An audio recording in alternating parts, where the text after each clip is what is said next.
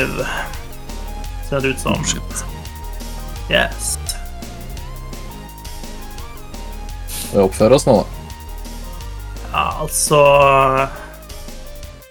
Jeg ser ikke at du er klar til liksom sånn badekar-stream. Eh, så jeg tror vi er in the safe. Vi har ikke, vi har ikke badekar i leiligheten, så må bli sånn der eh, plaskebalje av noe slag. Ja, I så fall. ja. Jeg er usikker på hvor den grensa går, på en måte. Eh, Hva om jeg sier at jeg sitter med føttene i en bøtte med vann nå?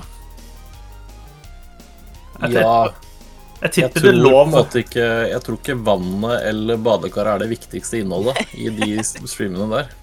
Spørsmålet er om du har sokker på deg eller ikke, tenker jeg. Jeg er ikke en psykopat, så så klart har jeg ikke sokker på. Kanskje det er noens greie. Å bade med sokker. Våte sokker. Det er det sikkert noen som liker. Ja, ja. Ja så klart. Ja, jeg skal er ikke kinkshame. Nei. Ikke noe kinkshaming i denne podkasten. Da må dere ta Mm. bak Er du- sterke meninger om sokkebading, så send de til Joran etter denne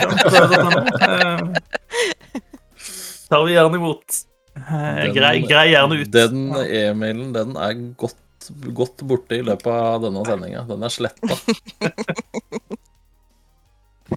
Hei og velkommen til nok en episode av eh, Double Jump. Eh, Det er midt på sommeren. Det er fryktelig varmt. Så hvis jeg ser liksom mer rødsprengt ut enn normalt, så er det fordi at Bergen klarer ikke å håndtere når det liksom bikker 30 grader. Da, da smelter jeg som liksom et egg ut i en stekepanne. Um, Men ja, jeg Marius. Det er Gøran Solbakken. Jo. eh, Håvard Ruud Hei, hei. og Susanne Berget. Som er med. Jeg tror at i det bildet som jeg har, og som går ut på Twitch, så tror jeg at vi har, de, vi har faste plasser i eh, oppsettet. Faktisk. Det har jeg ikke lagt merke til, men det kan godt hende. Jeg mistenker det. Det er, det er. Det er orden. Ordning er viktig. Hvordan overlever dere eh, varmen? Eller er det ikke varmt borte på andre siden av fjellet? Eh, jo, det skal jeg love deg til her. Mm. Jeg har akkurat vært en uke i Trondheim, og det var eh, forfriskende. Det var det De holder seg til sånn 15-16, og det, det kan jeg sette pris på. Jeg drar til Trondheim på torsdag, og jeg er så fuckings hyped. Fordi Det er bare å glede seg. Endelig få sove om natta og sånn. Ja, her, liksom, her i leiligheten så er det 28 grader i snakkende stund. Og så på balkongen så er det nærmere 36, tror jeg. Jesus Christ. Det er ugreit. Og så spesielt siden de fleste av oss bor i en bygning som sikkert er lagt for å tåle sånn i hvert fall 40-30-40 minusgrader. Så Åh, nei, det er ikke greit. Nei, det var faktisk påfallende hvordan sånn første natta i, i Trondheim. Så var vi eh, begge var sånn eh, Jeg har ikke sovet så godt på, på lenge. Bare fordi det var eh, under 20 grader. Jeg har for første gang i livet mitt kjøpt en sommerdyne. Mm. Det er fordi den, eh, den er da tynnere, eh, sånn at når den ligger på siden av meg og ikke blir brukt, eh, så blir jeg ikke like varm som hvis jeg har den varme dyna som ligger på siden av meg og ikke blir brukt. Bare, det er bare å kjøre dyneantrekk, ass. Det er ikke noe dyneinnhold i dynene her. Det er lenge siden. Mm. Ja, det, det, aldri klart det, det greia der. Det blir litt som å bade med sokker på, på en måte. Det, ligge med bare dyntrekket, det, det føles ikke riktig. Nei, Det er, det er litt Nei, rart, faktisk. Bare, han Man har gråte i, kanskje. Sant, det. Nei, men det er jo deilig med litt sommer, er det ikke det? da? Eh, Det er det jo. godt og varmt. Altså- og- Deilig med sommer, ja. Eh, ikke fullt så deilig at liksom eh, havet står i brann og planeten smelter. Nei, det er for så vidt sant. Ja. Så hvis vi hadde greid å finne liksom en gyllen middelvei eh, mellom det, så, så hadde det vært fint. Men det at kloden smelter, er jo en god unnskyldning for å skaffe seg en iskrem, da. Det syns jeg. Men hei, vi har jo glemt det viktigste av alt her. Det er jo ja. Det har jo skjedd noe siden forrige sending. Det er det. Eh, Så på vegne av hele redaksjonen så vil vi jo si gratulerer, Susanne. Du har gifta deg. Stemmer det. Stemmer det. meg. Mm. Var det en fin Nå, dag? nå tilhører alle mine meninger eh, min ektemann. Så yep. hvis det er noen som nå lurer på noe, så får dere sende en melding til han. Jeg har allerede sjekka om du fikk lov å være med i dag. Mm. Jeg har skriftlig tillatelse også, hvis jeg trenger å se det. Ok, ja. ja men det er greit. Jeg, nei, jeg fikk, fikk OK fra han, så jeg tenkte det var greit. Ja, nei. Er det eh, deilig, deilig å slippe å bestemme noe resten av livet? Ja. Altså, jeg har jo bare tatt uh, søppelvalg hittil, så nå ser jeg for meg at uh, livet mitt kommer til å ta en helomvending, og Ja. alt er bare fryd og gammen fra nå av. Mm. Ut fra den Mm. Twitter-feeden til han du har gifta deg med, så er jeg litt usikker. Ja, altså, jeg er spent på hvordan det kommer til å gå. Jeg er jo det. Der var det bra.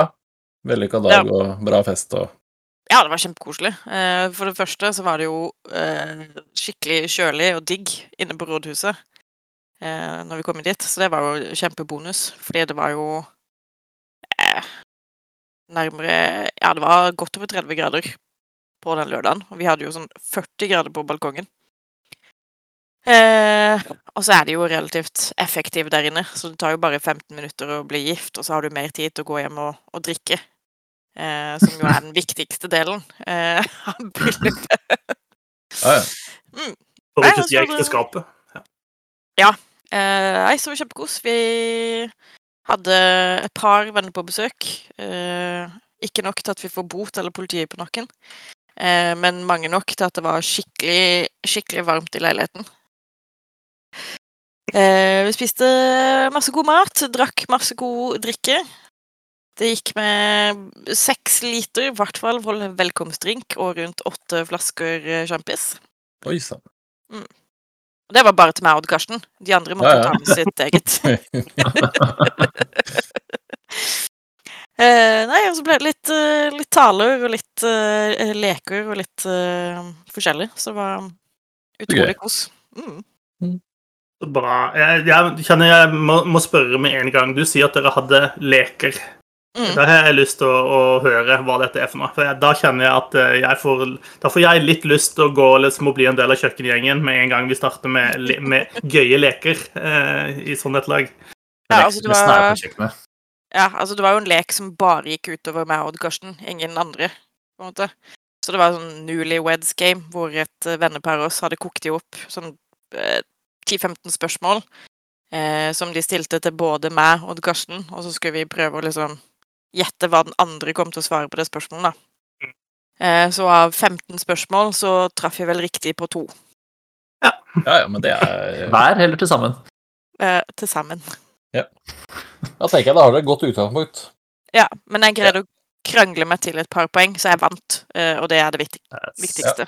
Ja, ja. Yes. Så fikk jeg et lite trofé som det står 'vinner' på, og sånne ting. Så jeg er kjempefornøyd. Det er jo kult. Jeg regner med den står midt i senga imellom dere. Mm. Mm. Gjør det.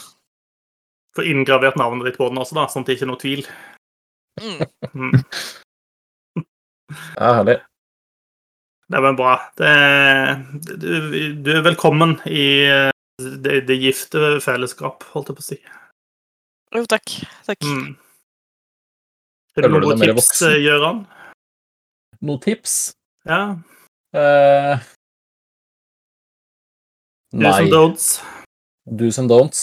Altså eh, Jeg kunne tatt de seriøse, alvorlige tingene, men det, det er ikke så gøy. Eh, så det er mer bare eh, inn, innrøm at den andre har rett, mens du selv vet at du egentlig har rett innerst inne. Ja da, kjære. Du har rett, men egentlig så er det jeg som har rett.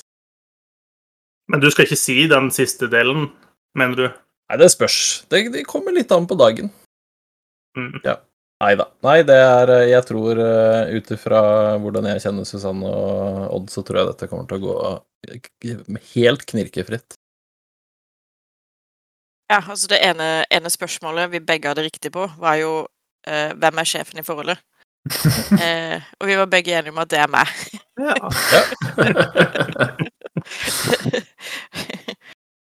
Så jeg tror det kommer til å bli, gå veldig fint. Jeg tenker det er veldig, veldig godt eh, at, eh, at begge hadde rett på det. Da, da tror jeg dere kommer langt. Jeg liker også at vennene deres hadde en fasit på dette.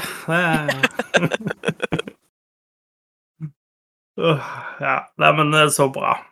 Um, skal vi innom dataspill? Ehm, er det, er- har dere spilt noe dataspill, Susanne? Eller er det bare vært gift og moro? Eh, nei, altså det har jo blitt eh, tid til litt grann spilling innimellom alle bryllupsforberedelser og bryllupsfeiring. Eh, så jeg har eh, satt meg ned i et par timer med et eh, lite indiespill som heter eh, The Kind Chamomile. Eh, Hva i alle er- dager er det for noe? Eh, Det er et spill eh, som er backa på eh, Kickstarter for en stund tilbake.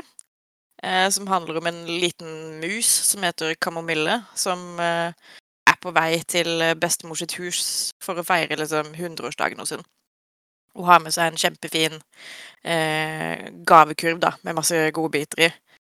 Eh, dessverre så er det litt eh, røff sjø på vei til øya der hvor bestemor bor, så hun mister alle gavene sine i havet. Eh, og liksom dukker opp på brygga tomhendt.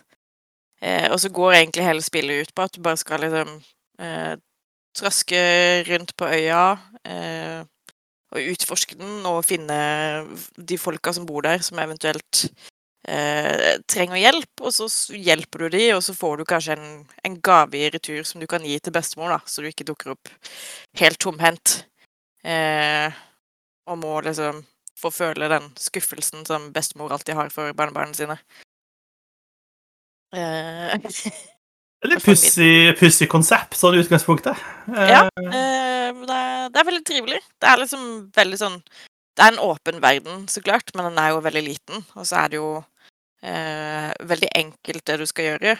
Eh, og spillet har liksom et veldig enkel eh, Veldig enkel grafikk og veldig koselig, nesten litt søvndyssende soundtrack. Så det er sånn egentlig bare å liksom lene seg tilbake og, og traske rundt og og, og, finne alle disse rare beboerne som trenger hjelp med liksom litt ymse, da. Sånn som eh, noen har mista løpeskoene sine fordi de skal løpe maraton, da. Eller eh, de trenger en rød blomst for å lage maling av den for å fullføre et sånt eh, episk landskapsmaleri. Eller så har du en, en fyr som trenger en, eh, en bøtte for å kunne vanne tomatplantene sine. Og den type ting, da. Eh, så er det litt sånn Det er litt sånn en god del trøsking frem og tilbake, fordi når du finner en ting som du kan Du tenker deg at noen kan trenge, så får du ikke lov til å plukke den med deg. Eh, du kan først plukke den med deg når du har funnet personen som faktisk trenger den. Eh, så mens du går og liksom trasker rundt, så er du nødt til å på en måte huske eh, hvor ting ligger, når du endelig støter på folk. Så er det sånn du støter på en fyr oppe på toppen av et fyrtårn som trenger en linse til kikkerten sin, og så er det sånn Hvor i helvete var det sist jeg så et jævla forstørrelsesglass? Å ja, det var i det der kattekunstgalleriet på andre sida av øya. Og så må du traske eller eh, fly dit, da, hvis du er så heldig at du plukker opp den eh, glideren, da, som du kan få etter hvert. Så du må liksom ha litt eh, god hukommelse, eventuelt være eh, smart nok til å skrive opp hvor ting er når du finner de. Skrive du Eh, opp? Sitter du med penn og papir når du spiller spillet? Jeg gjør ikke det. Så jeg bare Det, det ble veldig mye trasking frem og tilbake, fordi jeg har gullfiskhukommelse. så var det sånn Å ja, nei, det var ikke, det var ikke fullstørrelsesklasse. Det var en stabel med planker. Oh well. Eh, av gårde til neste, neste sted. Så jeg tror nok jeg brukte noen timer lenger på det spillet enn det eh, den gjengse spiller gjør, som kanskje har bedre hukommelse. Eh, men det er veldig trivelig. Eh, og til slutt så fikk jeg liksom eh, funnet veien opp på toppen av fjellet på øya hvor bestemor bor, eh, med nesten nesten full gavkurv. Jeg mangla én ting som jeg faen ikke greide å finne. Eh, og så er jo spillet så lite og såpass nytt at det finnes jo ikke noe walkthroughs for det heller. Eh, Det er frustrerende. ja. Det er sånn Så- klassisk an anmelderproblem ofte, det. Eh, Ja. Du får spillet før det kommer ut, og det er ingen hjelp eh, online å få noe sted når du sliter med noe. Mm. Så jeg måtte liksom eh, dukke opp hjemme hos bestemor med en ufullstendig gavekurv, og hun ble så pissed at hun bare krasja spillet, sånn at jeg ikke fikk fullført.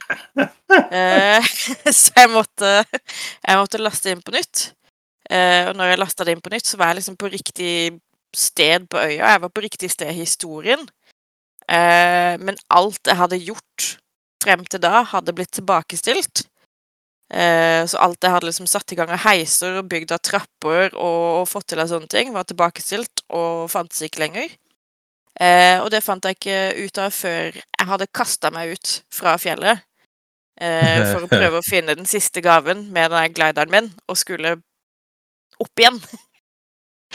og snakka med han Mm. eh, han trappefyren, og han var sånn 'Ja, se, nå har jeg bygd trappa, er den ikke fin?' Og så er den liksom fortsatt i biter og er ikke bygd i det hele tatt. Og du kan liksom ikke få han til å gjøre oppgaven på nytt, fordi den er allerede blitt gjort. Eh, så det var litt sånn småirriterende. Så det var litt, litt banning og steiking for å, komme seg tilbake på toppen av fjellet. Eh, det går heldigvis. Hvis ikke så hadde jeg satt fyr på et eller annet, tror jeg. Forferdelig Ja, ja. å måtte gå rundt med bestemors skuffelse hengende over deg. Det skjønner jeg jo. Ja, ja, det er jo ingen som vil det, liksom. Å nei. Og dama er 100 år. Du vet jo ikke hvor lenge hvor hun kommer til å leve. liksom. Du har jo ikke lyst til at hun skal gå i grava og fortsatt være skuffa over det. Og så kommer hun tilbake for å hjemsøke det og fortelle deg hvor skuffa hun er over det hver eneste dag. Det er det verste. Jeg tenker at Det gjør jo at du føler tidspress gjennom hele spillet. Bestemor kan jo dø før du rekker frem med kurven. liksom. Mm. Så det er liksom, det er meninga at det skal være et superavslappende og chill-spill, men det er ikke det. Nei. Huff og huff. Ja, ja. Men det er, det er, veldig, det er veldig søtt, det er veldig koselig, og det er lagd av liksom én fyr. Men det kommer gjerne noen oppdateringer til deg som uh, Ja, altså, disse utfordringene. Ja, han virker å være klar over en del av problemene, så uh, de blir nok fiksa etter hvert. Men som sagt, han er jo bare én fyr. Eh, og jeg tror kanskje han var bitt over litt mer enn han greier å svelge unna. Rett og slett. Eh, men det er Ja, altså, det er, det er koselig. Det er fint. Eh, det tar ikke så lang tid å spille, så hvis man har noen timer til overs en dag og trenger et eller annet å bare kuke rundt i, så er The Kind Camel absolutt et bra alternativ, syns jeg. Det minner meg om et eller annet spill som jeg spilte for en stund siden, men jeg husker ikke hva det heter. Der er det en sånn type fugl som løper rundt på en øy, og det er liksom samme prinsippet. At du gjør liksom ting for for forskjellige skapninger underveis, og så skal du liksom komme deg til toppen der òg. Det hadde helt sikkert du likt, Susanne. Småjobbsentralen The Video Game. Ja. Eh, Småjobber på Finn. Småjobber på Finn.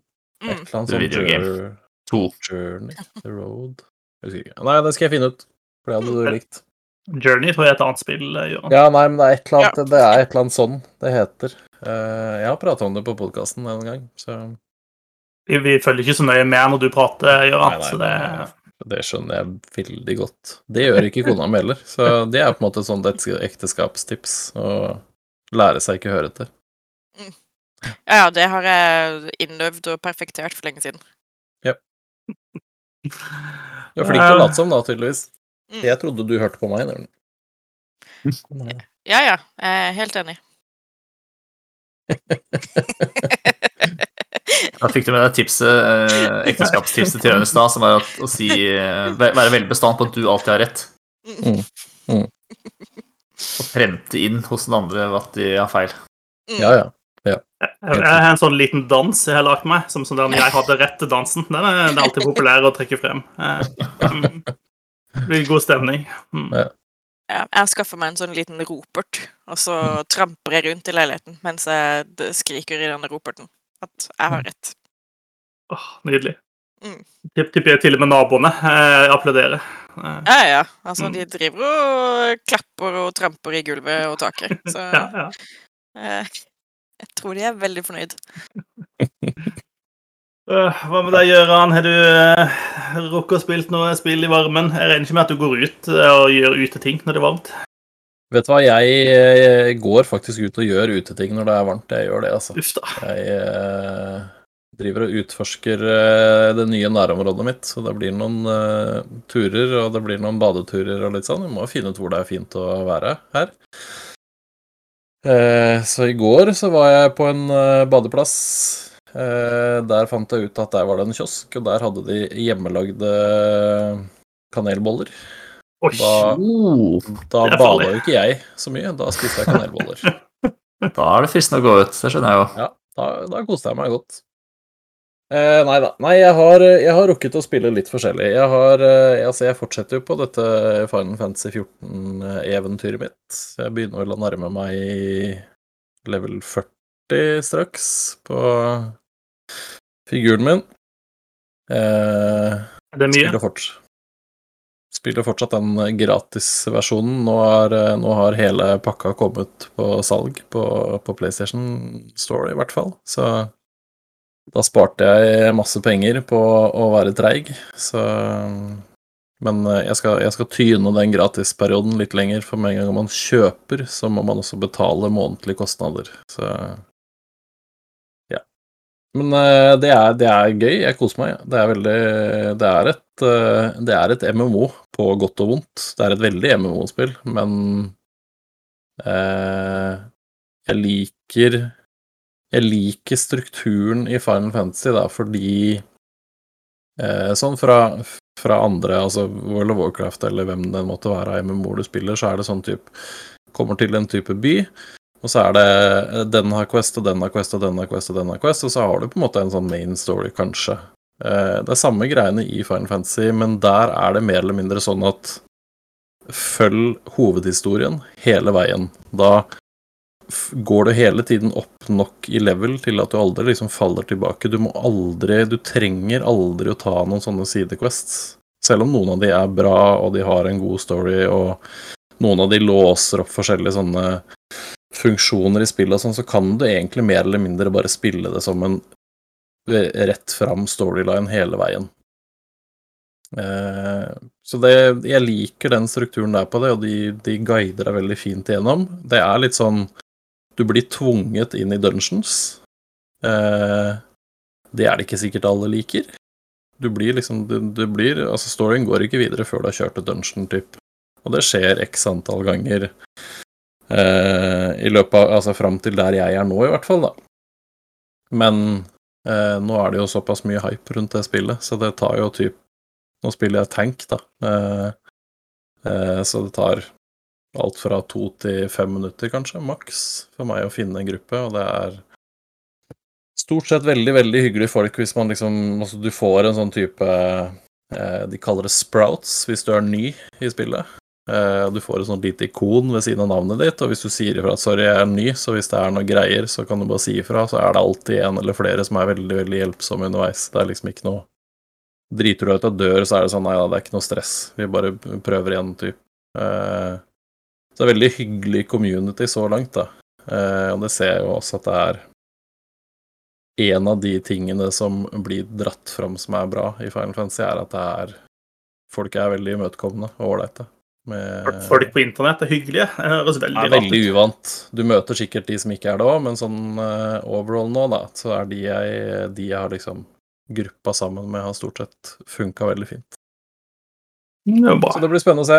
Eh, alle sier jo at storyen blir bedre etter typ eh, 240 timer, så jeg skal fortelle om den en eller annen gang til neste år, når jeg kommer dit. Ja.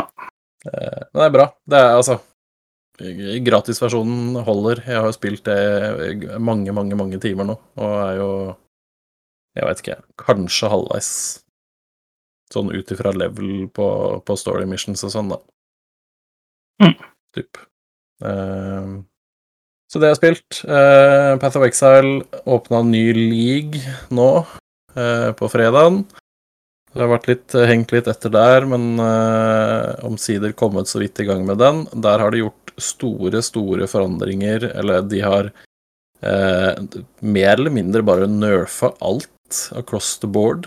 Uh, alt av skills og alt mulig sånn, så nesten alle Altså alle builds, alle angrep, alt sånn, gjør 20-30% mindre skade med denne nye patchen nå. Og det blei jo møtt med det man kan regne med at det blir møtt med, som på Reddit og sånn. Eh, men Takknemlighet og eh, ja, ja, ja. eh, Bare vel, velformulert konstruktiv tilbakemelding. Ja, ja, ja. Tommel opp, og dette var bra, og alt mulig sånn. Men det var Han sa det, han eh, Han eh, Chris Er det Chris Metzen han heter? Eh, han som styrer showet der, han sa at det er Det har vært en sånn konstant sånn power creep der, som i alle andre sånne typer spill. Eh, sånn at det har blitt såpass langt unna det de så for seg at spillet egentlig skal være, at nå måtte de gjøre noe for å begynne å balansere det. Så nå har de senka det skadenivået, de har gjort om en del mekanikker, så de der flaskegreiene og sånn, altså jeg trenger ikke gå så veldig mye mer inn i detalj på det, men de har gjort om ganske store endringer i spillet, da, samtidig som de har eh, økt vanskelighetsgraden i den første acten enn så lenge, og så skal de gjøre det her sånn progressivt da, gjennom hele spillet, for å liksom få tilbake litt av utfordringen. Og det, det kjennes bra ut så langt, synes jeg. Jeg tror det jeg tror det var en fornuftig endring, og så er det sikkert masse de kan justere på underveis som var for mye eller for lite eller feil måte å balansere på og sånn, men totalt sett så, så vil jeg si at eh, nå er en veldig god tid å starte Path of Exile på, Marius og Håvard. Susanne har jo begynt, så tommel opp for det. Eh, ja. Men jeg har, ikke, jeg har ikke spilt så mye, så Men eh, ja da. Den Reddit, uh, Path of Excel-hovedredditen, den er det ikke noe vits å gå inn på. Der får du ikke noe godt inntrykk av det spillet akkurat nå. Det er mye- øvrig ikke er Chris eh, Metzen. Han eh, Ah. jobber med å lage brettspill, han. for det. Ja, hva er det han heter, han da? Herregud, jeg husker ikke det. Det er Chris et eller annet, i hvert fall. Uh, ja da. Eh, så de har liksom eh, Men de kommer jo til å spille uh, Path of Exile har jo spilt i mange år. Final Fantasy kommer sikkert også til å spille i mange år. Eh, men bortsett fra det, da, som er litt mer nytt og litt mer aktuelt og litt mer spennende, så har jeg også fått tilgang til en demoversjon av Fifa 22. Det kommer det? Eh, Ja, det kommer i det var vel oktober en gang, tror jeg. Det skulle slippes. Pleier Eh, pleier å komme da. eh, så slapp de jo noe info nå Var det forrige uke eller noe sånt? Et par uker siden, hvor det kom en sånn infodump med ny teknologi, hypermotion og, og hvor eh, nytt og kult det her skal være, og at det bare finnes på nye konsoller, eh, og ikke på PC, til og med. Så PC Master Race er jo fra seg av frustrasjon nå.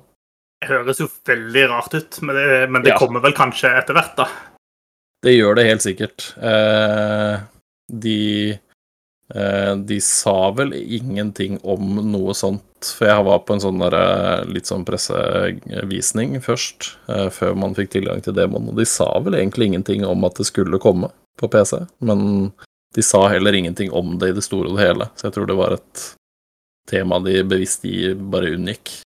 På nettsidene deres så står det Pre-order Fifa 22 available on PS4, PS5, Xbox One, Xbox Series XS and PC. Ja da, det, det kommer på alle plattformer, men den nye teknologien, som da heter Hypermotion, kommer ikke. Den er på Ah. PS5, okay. Series X og og Stadia, tror jeg, men ikke PC. Ja. Mm. Eh, men i hvert fall, da. Det den nye teknologien skal gjøre, er at den Altså, de har liksom fanga opp bevegelser og bevegelsesmønster på en annen måte. De har lagt inn masse nye animasjoner, sånn at det skal bli en bedre flyt i spillet.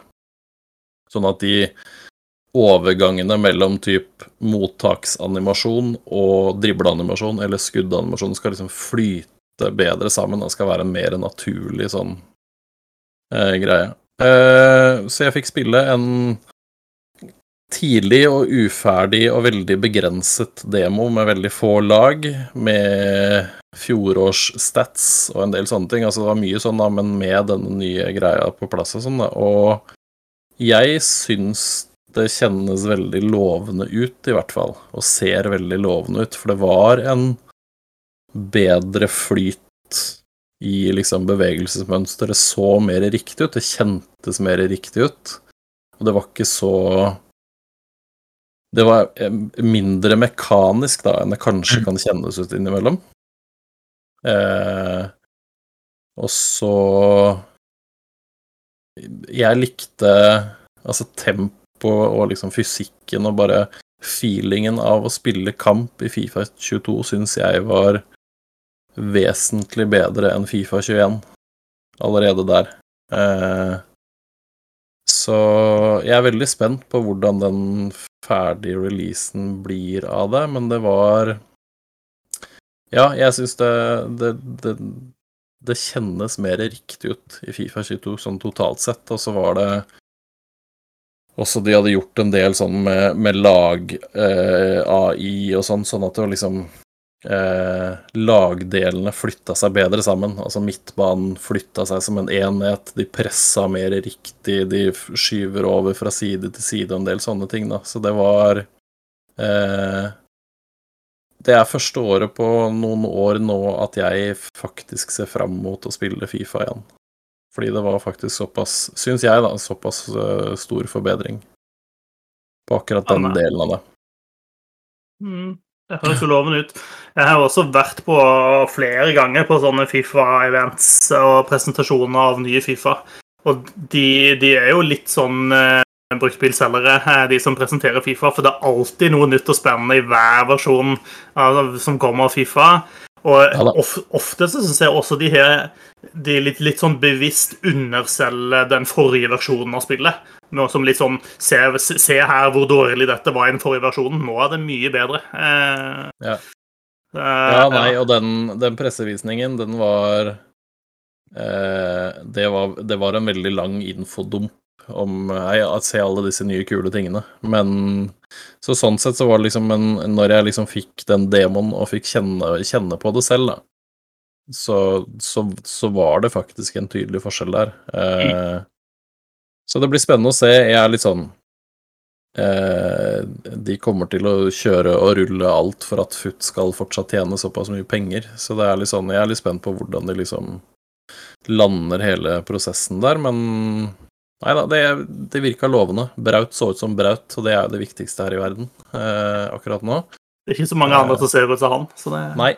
Eh, han hadde løpestilen inne, han. det er bra. Eh, nei da, det var, det var, faktisk lovende. Det var eh, Og så er det en del sånne små smågreier. Du kan gjøre dribling på første touch. Det har du ikke kunnet gjøre i Fifa før. Det kan du gjøre nå. Det er en sånn liten detalj, men det har på en måte en del å si allikevel. da. Så ja, jeg er en litt sånn varsom optimist til Fifa 22. Jeg har jo eh, nesten ikke spilt Fifa 21 før jeg nå satte meg ned og spilte det litt før jeg skulle spille Fifa 22, bare for å ha litt å kjenne på og sammenligne med. Så ja, nå er jeg litt spent, faktisk. Bra. Jeg har, jeg har spilt ganske mye Fifa 21, og det er jo et spill jeg blir sint av å spille. Så jeg burde jo ikke spille det i det hele tatt. Men, eh, altså, men jeg, du, kommer, du, kommer, til å bli like sint av Fifa 22. Det, ja. det forandrer seg ikke. Eh, så jeg, jeg også mistenker sånn at jeg kommer til å kjøpe det, og så kommer jeg til å spille litt, og så er det sånn nei, Kanskje jeg skal prøve å spille online, og så spiller jeg det aldri mer enn noen gang igjen. Ja. Mm. Det høres eh, about right ut. Ja. ja. 1. oktober, tror jeg. Ja. Mm. Det blir spennende å se. Det er jo masse, masse andre endringer også man kunne ha prata om, men det er det jo hvert år til Fifa. Masse justeringer og sånn. Eh, masse kortpakker du kan bruke masse, masse penger på og sånn. Har de noe om, om mer om FUT-modusen, liksom? Eh, skal de fortsette med sånn pakke-previews og sånne ting?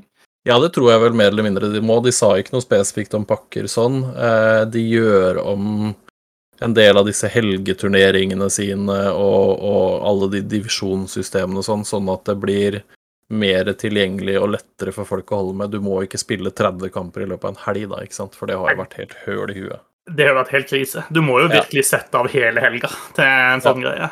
Og nå kan du spille, ut ifra det jeg skjønte nå, så kan du spille mer eller mindre i ditt eget tempo, og så flyttes du opp i divisjoner ettersom du blir ferdig med x antall kamper og sånn, da. Så. Mm tjener du opp sånn at du får en pakke ny og ned, og så det, får du reklame for at hei, nå koster de bare 110 kroner for pakkene, typ, hele tiden. Ja. Jeg vet ikke.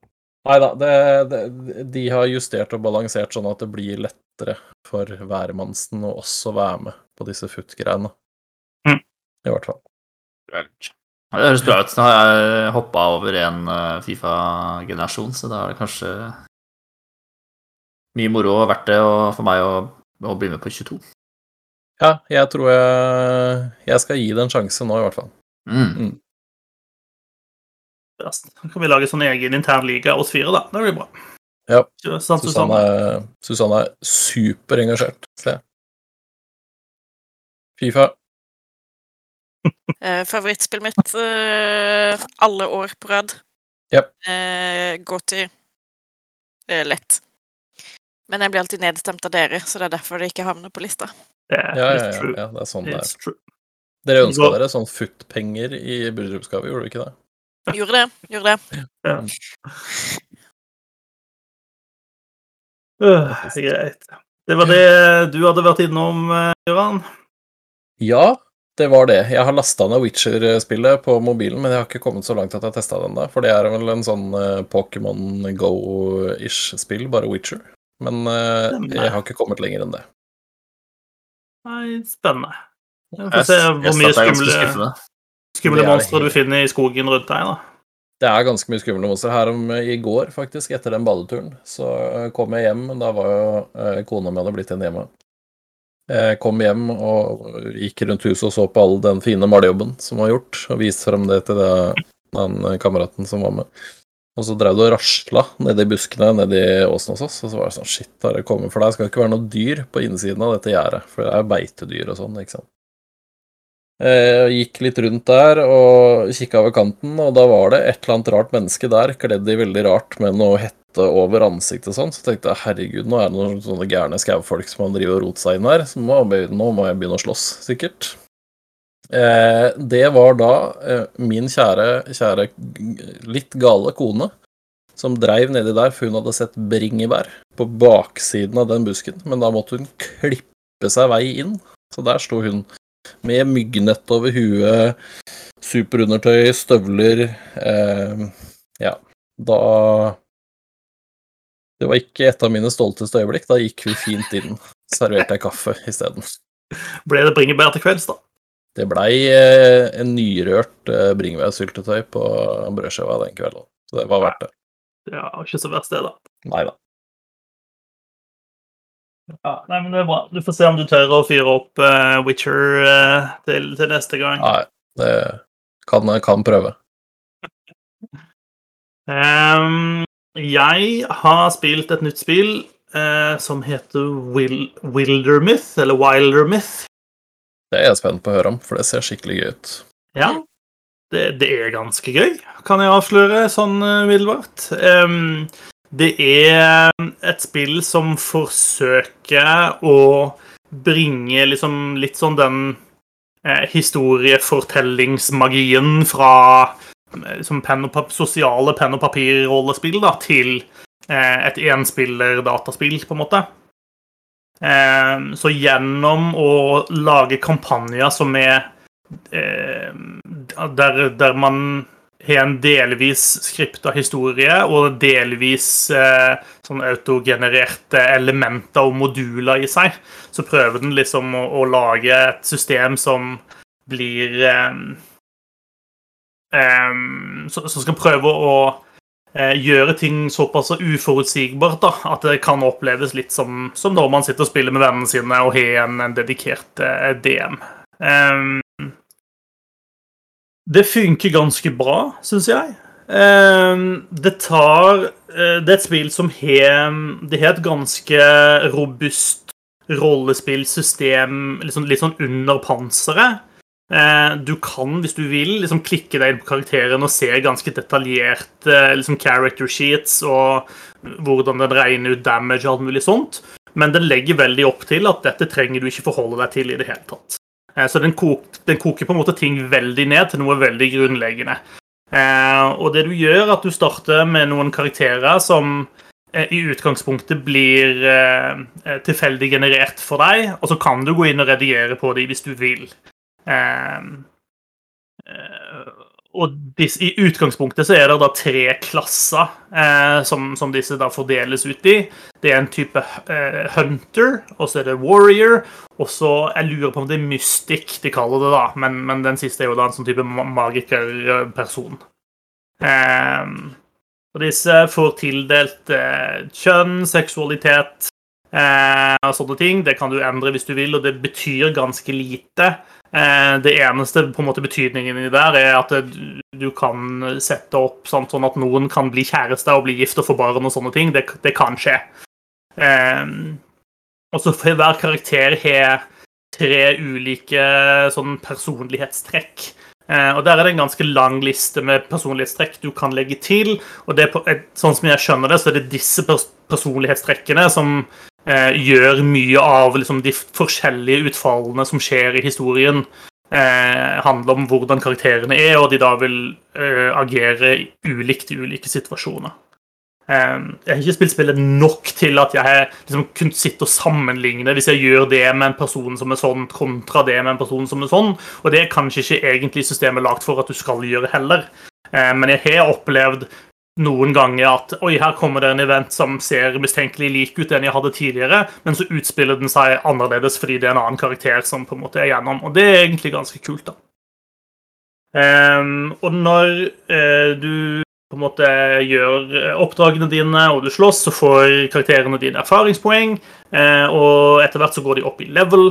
Eh, og da får du én eh, ny ability. Altså du får fire valg, i prinsippet. Det er sånn du har leveled up. Velg en av disse fire abilityene vi nå tilbyr deg. Og dermed så kan du på en måte styre karakteren sin utvikling i hvilken retning du vil. Og noen av disse abilityene har navn som du gjerne kjenner fra Dungeons and Dragons og sånt. Eh, en ability kalles for Paladin, f.eks., så da styrer du eh, din warrior-karakter eh, i retning av å være en som kanskje beskytter eh, folkene rundt seg med skjold eller sånne ting. Eh, mens en hunter kan du utvikle f.eks. i retning av å være flink å skyte med pil og bue, eller den kan være flink til å snike seg og gjøre sneak damage med en kniv, eller eh, ja, der er, der er en god del sånne muligheter.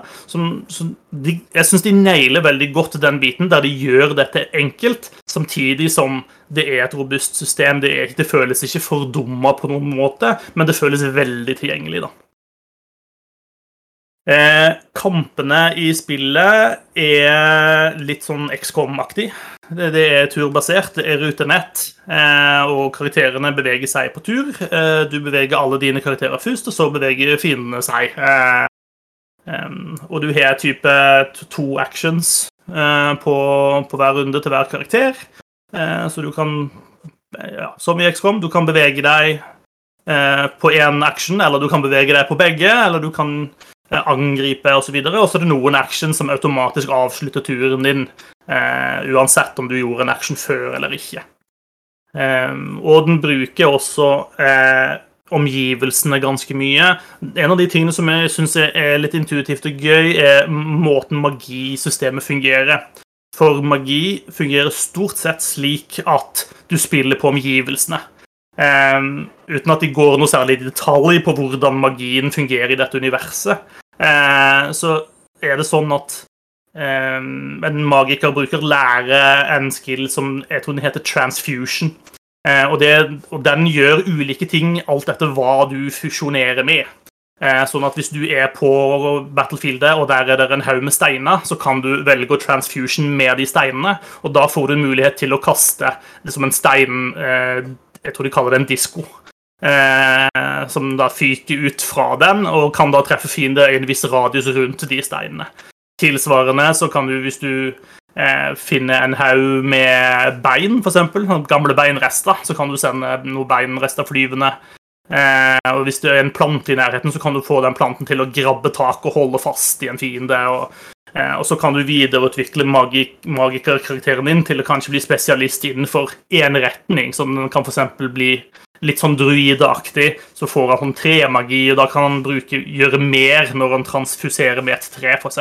Da kan han begynne å bruke tre til å teleportere andre karakterer i riktig posisjon. Og, eh, ja. Um, så det, det var ganske stilig. Det var litt sånn rart med en gang, men du liksom kom inn og så hvilke muligheter det var der, så ser du eh, at, ja, så ser du muligheten til å være kreativ, da, eh, og hvor nyttig de, de greiene faktisk er. Eh, gjennom en kampanje En kampanje varer på en måte ganske mange år. Eh, litt ulike, men det ser ut som de legger opp til at en kampanje har type fem eller syv kapitler, som de kaller det. Eh, og mellom hvert kapittel så er det et tidshopp på litt avhengig av hvordan du gjør det. Eh, for hvis du gjør det bra, jo bedre du gjør det, jo flere år med fred får du på en måte imellom kapitlene før, før helvete bryter løs igjen. Eh, og karakterene dine de aldes. Og du får sånn oppsummering. Dette skjedde med disse karakterene i løpet av freden. Og på et tidspunkt så kommer du der at karakterene dine nå er blitt så gamle at nå kommer de til å retire. Eh, sånn at du må, Da må du fylle opp og trene opp nye karakterer som en del av den lengre kampanjen. Eh, som, er ganske, som, som, er ganske, kult. og Du får ofte sånn Disse karakterene de gifta seg, og de fikk et barn, og nå er det barnet klart til å bli med i adventure-gruppa. Eh, så er det med, så får du en slags sånn storymessig investering i karakterene der i tillegg.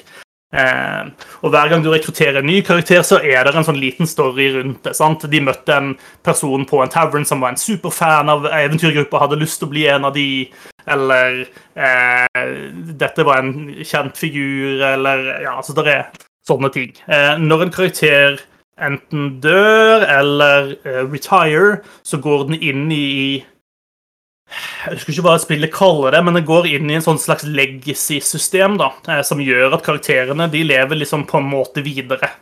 Eh, og Det betyr at du kan bruke disse karakterene i seinere kampanjer hvis du vil, og spillet kan også bruke de karakterene til å referere til, sånn at de, de er på en måte en del av universet eh, som, du, som, du, lager. Så du er litt på en måte med å skape universet mens det spiller seg ut. da. Eh, jeg syns det er ganske kult. Ehm, jeg har kost meg ganske mye med det. Jeg, så langt så har jeg um, spilt um, der er, Akkurat nå så er det en jeg tror det er en sånn fire-fem litt sånn ferdig uh, på en måte lagde uh, kampanjer. Og så er det et par egne sånn rent uh, autogenererte kampanjer. Og jeg har ikke prøvd de som er rent autogenererte ennå. Så jeg er litt spent på å teste ut de etter hvert, om de på en måte føles like innlevende som de som åpenbart er, er brukt mer, mer, tid av, en, eh, av noen flinke folk da, til å sette sammen og skape en, en gjennomgående historie. Um, men absolutt kult, absolutt verdt å sjekke ut uh, hvis eh, det høres ut som noe som kan være din greie. Uh, personlig så vil jeg også si at uh, hvis du spiller på liksom, normal vanskelighetsgrad, så kan det oppleves som ganske enkelt. Eh, I mange tilfeller så vil det kanskje være for enkelt for mange, vil jeg tro. Eh, samtidig så har det også litt den XCOM-greia som en del sånne spill har, med at mhm. eh, så lenge du tar gode valg, så går ting bra. Eh, men hvis du gjør noe skikkelig dumt, så er spillet ganske på plass med å straffe deg også. Så det er litt sånn Selv om ting gikk på skinner veldig lenge, så med en gang du gjorde noe veldig tåpelig, så eh, fikk du en i fleisen. Så Eh,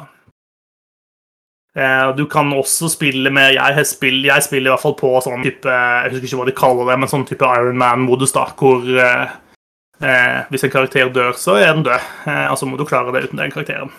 Syns jo jeg er litt jeg, jeg, blir for frista til å bare laste inn en save hvis ting går drit. Eh, så jeg spiller ofte med en sånn en, fordi da, da må jeg faktisk ta vare på karakterene jeg har lyst til å ta vare på. Og så er det et system for å få Eh, du får eh, innimellom liksom, magiske gjenstander, kulere våpen, og disse kan oppgraderes. og Det er et slags sånn verdenskartsystem som, eh, hvor du reiser rundt og overtar områder, og der bygger de litt ressurser, og de ressursene kan brukes til å oppgradere utstyret ditt og sånt. Så det har på en måte en del sånne ganske enkle systemer som binder dette sammen på en god måte. Så for de som synes sånne ting høres spennende ut, men ikke ønsker å grave seg ned i liksom regler og detaljer og tall og klasser og alt mulig sånt, så er, så er dette en kjempefin inngangsport eh, for det. Så jeg, jeg tror jeg vil anbefale Wildermith ganske sterkt, egentlig. Det ser veldig gøy ut. Yep. Mm. Du syr sammen masse småhistorier i kampanjene. Sant? Det er det som på en måte er styrken til, til, til dette spillet. er at Selv om du har en overordna historie om at da du skal drepe Eller de, de slemme gorgonene er i ferd med å overta eh, det lille riket du holder til i, eh, så er det masse småhistorier om karakterene dine hele tida. Eh, og karakterene kan ha forhold seg imellom. De kan være venner, de kan være kjærester, de kan være eh, rivaler. Eh, og disse tingene gjør seg også utspill i kampene. Eh, hvis noen er kjærester, eksempel, eh, så er det sånn at hvis en fiende skader kjæresten til en karakter, så vil den karakteren da få en sånn type lovers revenge-greie, hvor han gjør mer skade mot den karakteren som skader kjæresten sin. mens rivaler har også litt det samme at hvis en hvis den ene karakteren gjorde skade på en fiende, så vil den andre rivalen da prøve å overgå det med å gjøre mer skade eh, på den samme fienden. Ja. Så det er litt sånn kul dynamikk inni der. Så mange, mange, mange gode ideer. Eh, jeg syns at sånn historiefortellinga er Av og til så er den litt off. Det er noe med den autogreiene som eh, av og til treffer den liksom ikke 100 men det treffer på en måte godt nok til at uh, det er artig å spille uh, og, og, gøy å se hva som skjer, egentlig. Så absolutt verdt å sjekke ut. Moro. Yes. Um, så har jeg fortsatt mitt uh, korstog på de britiske øyer i Assassin's Creed. Um, og jeg har lagt ned fryktelig masse timer i det spillet. Eh, nå har jeg endelig caught up med, med Folkay, eh, i hvert fall. Eh, og satt henne på plass. Eh, men det jeg har brukt veldig mye tid på, er på Irland.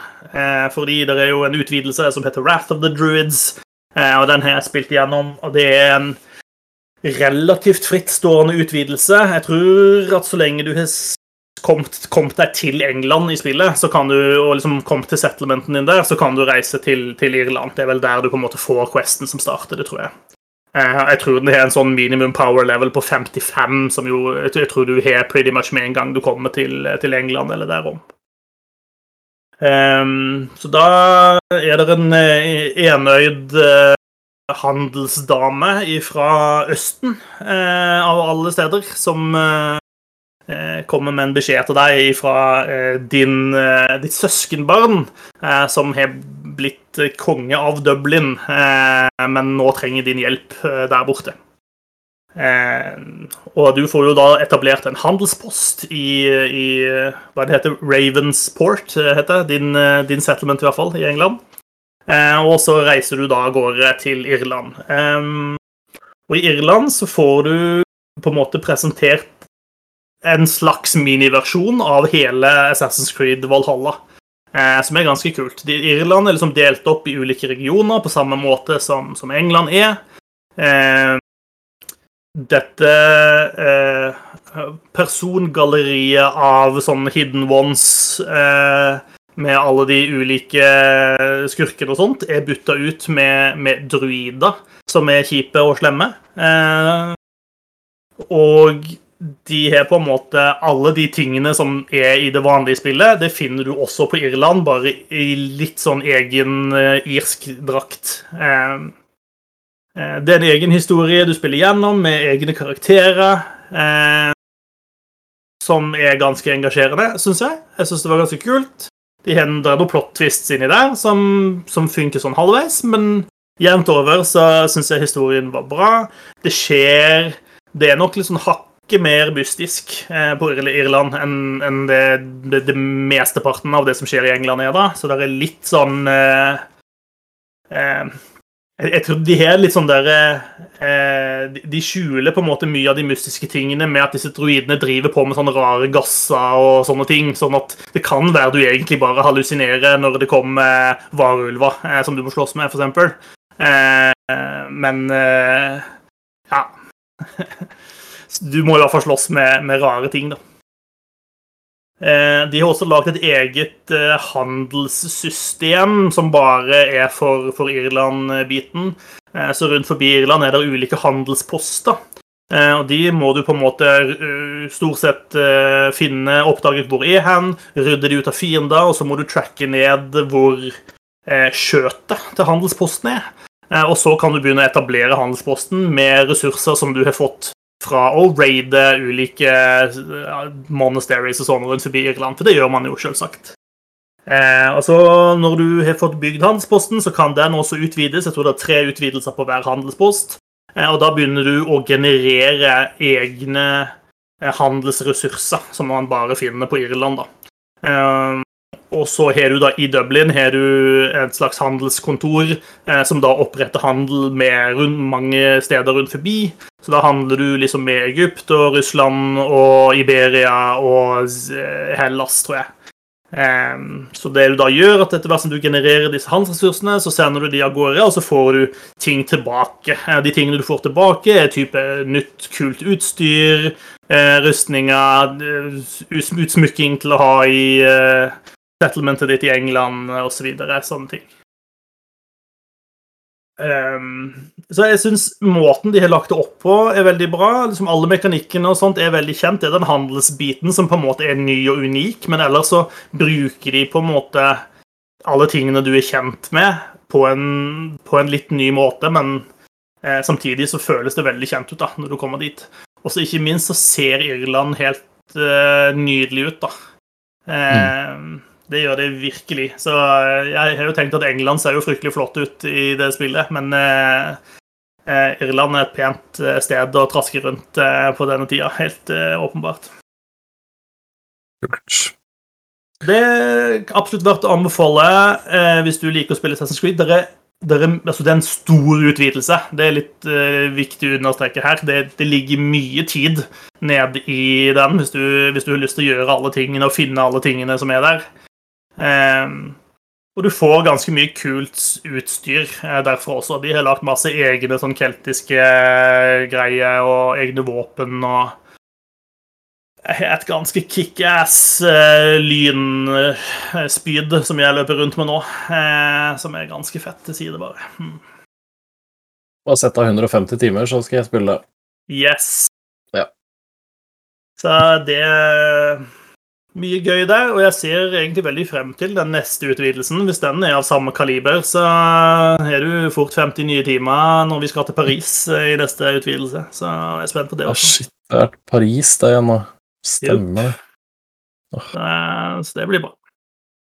Kult. Jepp. Det er jo stort sett det. Jeg har spilt mye Overwatch da, eh, og jeg kan ikke si, som du sa, Gøran, at eh, communityet der er like hyggelig som i Fine Fantasy. Det, det overrasker meg hver gang jeg spiller, at jeg lar meg irritere av folk som bare er idiot i chatten i, i sånne spill, altså. Eh, jeg er ikke flink nok til å bare ignorere folk som er stupid. Det er ganske forfriskende i Final Fantasy, faktisk, for jeg har jo spilt andre MMO-er, og hvis du dør som tank der, så er det jo Det, det er bullshit, liksom. Da har du ødelagt alt, og så får du dødt trusler og molotov-cocktail etter deg, men uh, ja. ja. Nei, folk er folk i alle spill. Ja, det, be det, beste er jo de folk, folk, som bare De skriver en eller annen fornærmelse, og så logger de ut med en gang. Ja, ja. Det er sånn, hva, hva, hva var poenget med dette? Hvorfor du gjør du sånn? du får ikke svart, vet du, så du, du har tapt uh, diskusjonen. Ja. ja men hva, hva, får han, han, eller hun Jeg sier han, for jeg tipper at det i flest tilfeller er han. Hva får han ut av uh, å gjøre det? Jeg, jeg, skjønner det ikke. Han får kalt deg en taper og vinner en diskusjon. Ja, ja, altså det er jo Vinner jo ikke diskusjon! Det var jo ikke noen diskusjon! Det var en monolog. Man kunne ja, like gått til en stein og ropt til steinen. Vet du hva, fysj, folk. Æsj. Æsj. Ja, jeg har uh, rapportert De siste to månedene har jeg rapportert flere enn jeg har gjort de siste uh, fem åra med Overwatch. Jeg har uh, de putta inn et sånn regnbue-player-ikon um, i forbindelse med pride-måneden, juni. Um, så det har jeg hatt siden. Og resten av, uh, resten av Overslaget mitt også, for så vidt. Um, så da har det kommet ganske mye ufint språk, for å si det generelt. Um, og lista mi for å, å rapportere folk som, som, slenger dritt, er på gulvet. Uh, er, du, er, du, en dust, så har jeg null skrupler med å, med å rapportere. Jeg vil ha en betalingstjeneste i Overwatch. Please give me that. Jeg har lyst til å betale en månedlig sum for uh, season pass eller et eller annet, sånn at jeg kan spille mot andre folk som må betale, uh, og slippe å spille mot uh, disse gratismenneskene som ikke mister noen ting når de blir banna, som bare kan få seg en ny konto og fortsette å spille og være akkurat like kjipe. Er det gratis? Nei, du må kjøpe spillet, da, men det koster jo ja. slik og ingenting nå, da, så ja. Ja. Hvis jeg kan få lov til å betale for å slippe idioter, så gjør jeg gjerne det. Altså. Ganske mye òg, faktisk. Ja, det, det, er verdt, det er verdt noe, det. Eh, å slippe å måtte forholde seg til idioter. Ja. Hva med deg, Håvard? Har du, du vært mye på reise? Har du rukket noe annet enn å rapportere folk i Overwatch? Ja, jeg ba jo om eh, dere blant annet, om mobilspillanbefalinger. Og Gøran var ikke sein med å anbefale Slay the Spire. Mm. Så da brukte jeg eh, noen av disse Jeg har sånn eh, Hadde noen Google-penger som jeg kunne, kunne, bruke på det. Og eh, så det har jeg spilt på ganske mye, både på, ja, på bussen opp til Trondheim, og på hotellet på kveldene og på bussen ned fra Trondheim. Så um, jeg har jo blitt har jo blitt litt hekta. Um, det er jo et um, er jo et typisk Gjøran-spill, selv om det ikke er ja, sånn looter shooter, som er det vi som er Gjøran-spill. Så er dette en annen type Gjøran-spill. Det er um, uh, rogelight uh, dekkbilder. Ja. Um, så du starter med Vi har jo Gøran har snakka høl i huet på oss om dette spillet i podkasten før. Um, men du starter med én av tre Eller til å starte med så har du bare én. Du låser opp flere figurer underveis med, som kan få litt forskjellige kort. Og så spiller man seg gjennom tilfeldig genererte utfordringer um, i, i håp om å banke alle bossene. Uh, og det er ganske gøy. Uh, du starter med en sånn grunnleggende kortstokk hver gang, og så får man nye kort for hvert rom man, uh, man tar, da. Rom med, med, fiender som man tar. Um, og selv om det er ganske gøy, så er det også litt irriterende at man har relativt liten kontroll over hva man, uh, hva man får, da. Jeg liker å spille som uh, The Silent, her tror jeg han heter. Ja, som er en sånn, type rogue-greie. Mm, som har uh, potensielt ganske høyt sånn burst damage-potensial, og poison uh, som, en, som en annen vei, da. Um, jeg syns det er gøy å spille å gå den poison-veien, men det er ikke alt man får anledning til. For det er ikke alltid du, du får nok poison-kort eller poison-kort med, med, synergier og, og sånn. Um, så da må jeg spille en runde da, med, med, kort som jeg ikke har lyst til å spille med.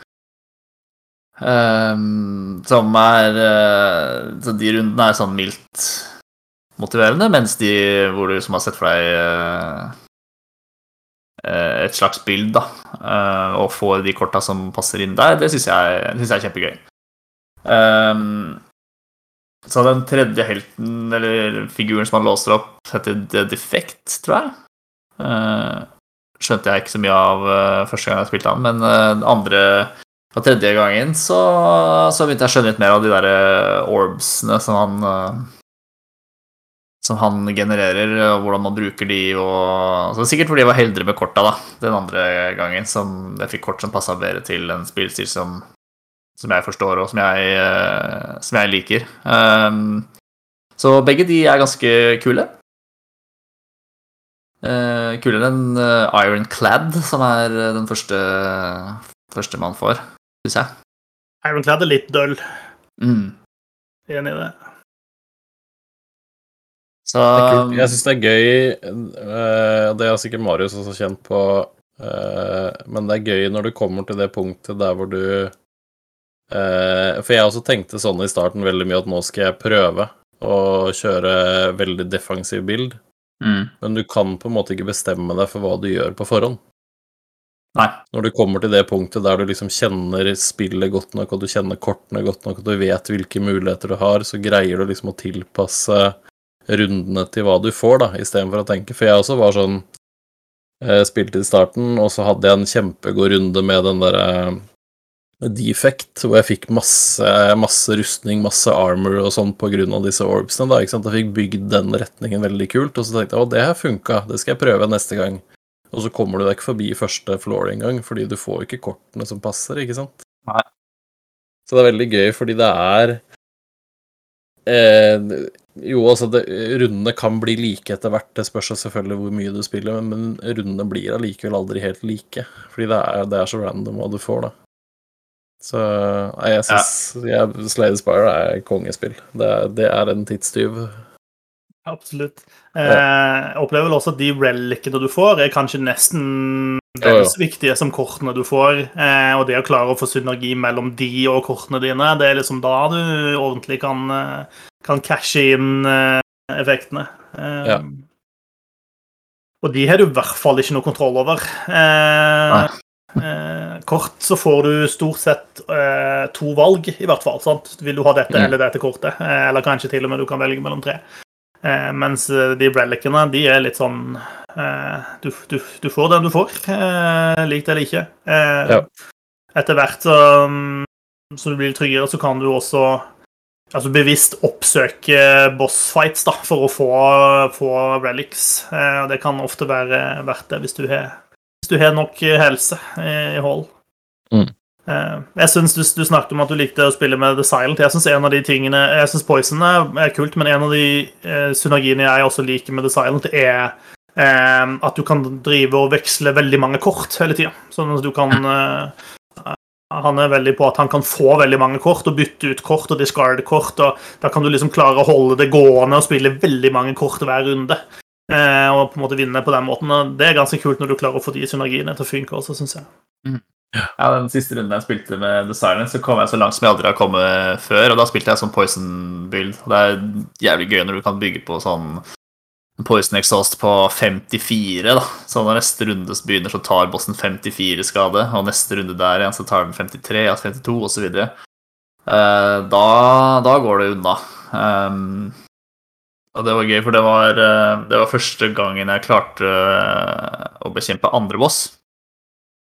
Og jeg hadde, jeg hadde tatt en sånn deal, så jeg fikk halvert uh, maks HP-en min, men fikk fem kort som gjør at man kan uh, man tar, at man tar bare én skade da, per angrep hvis man har spilt det kortet.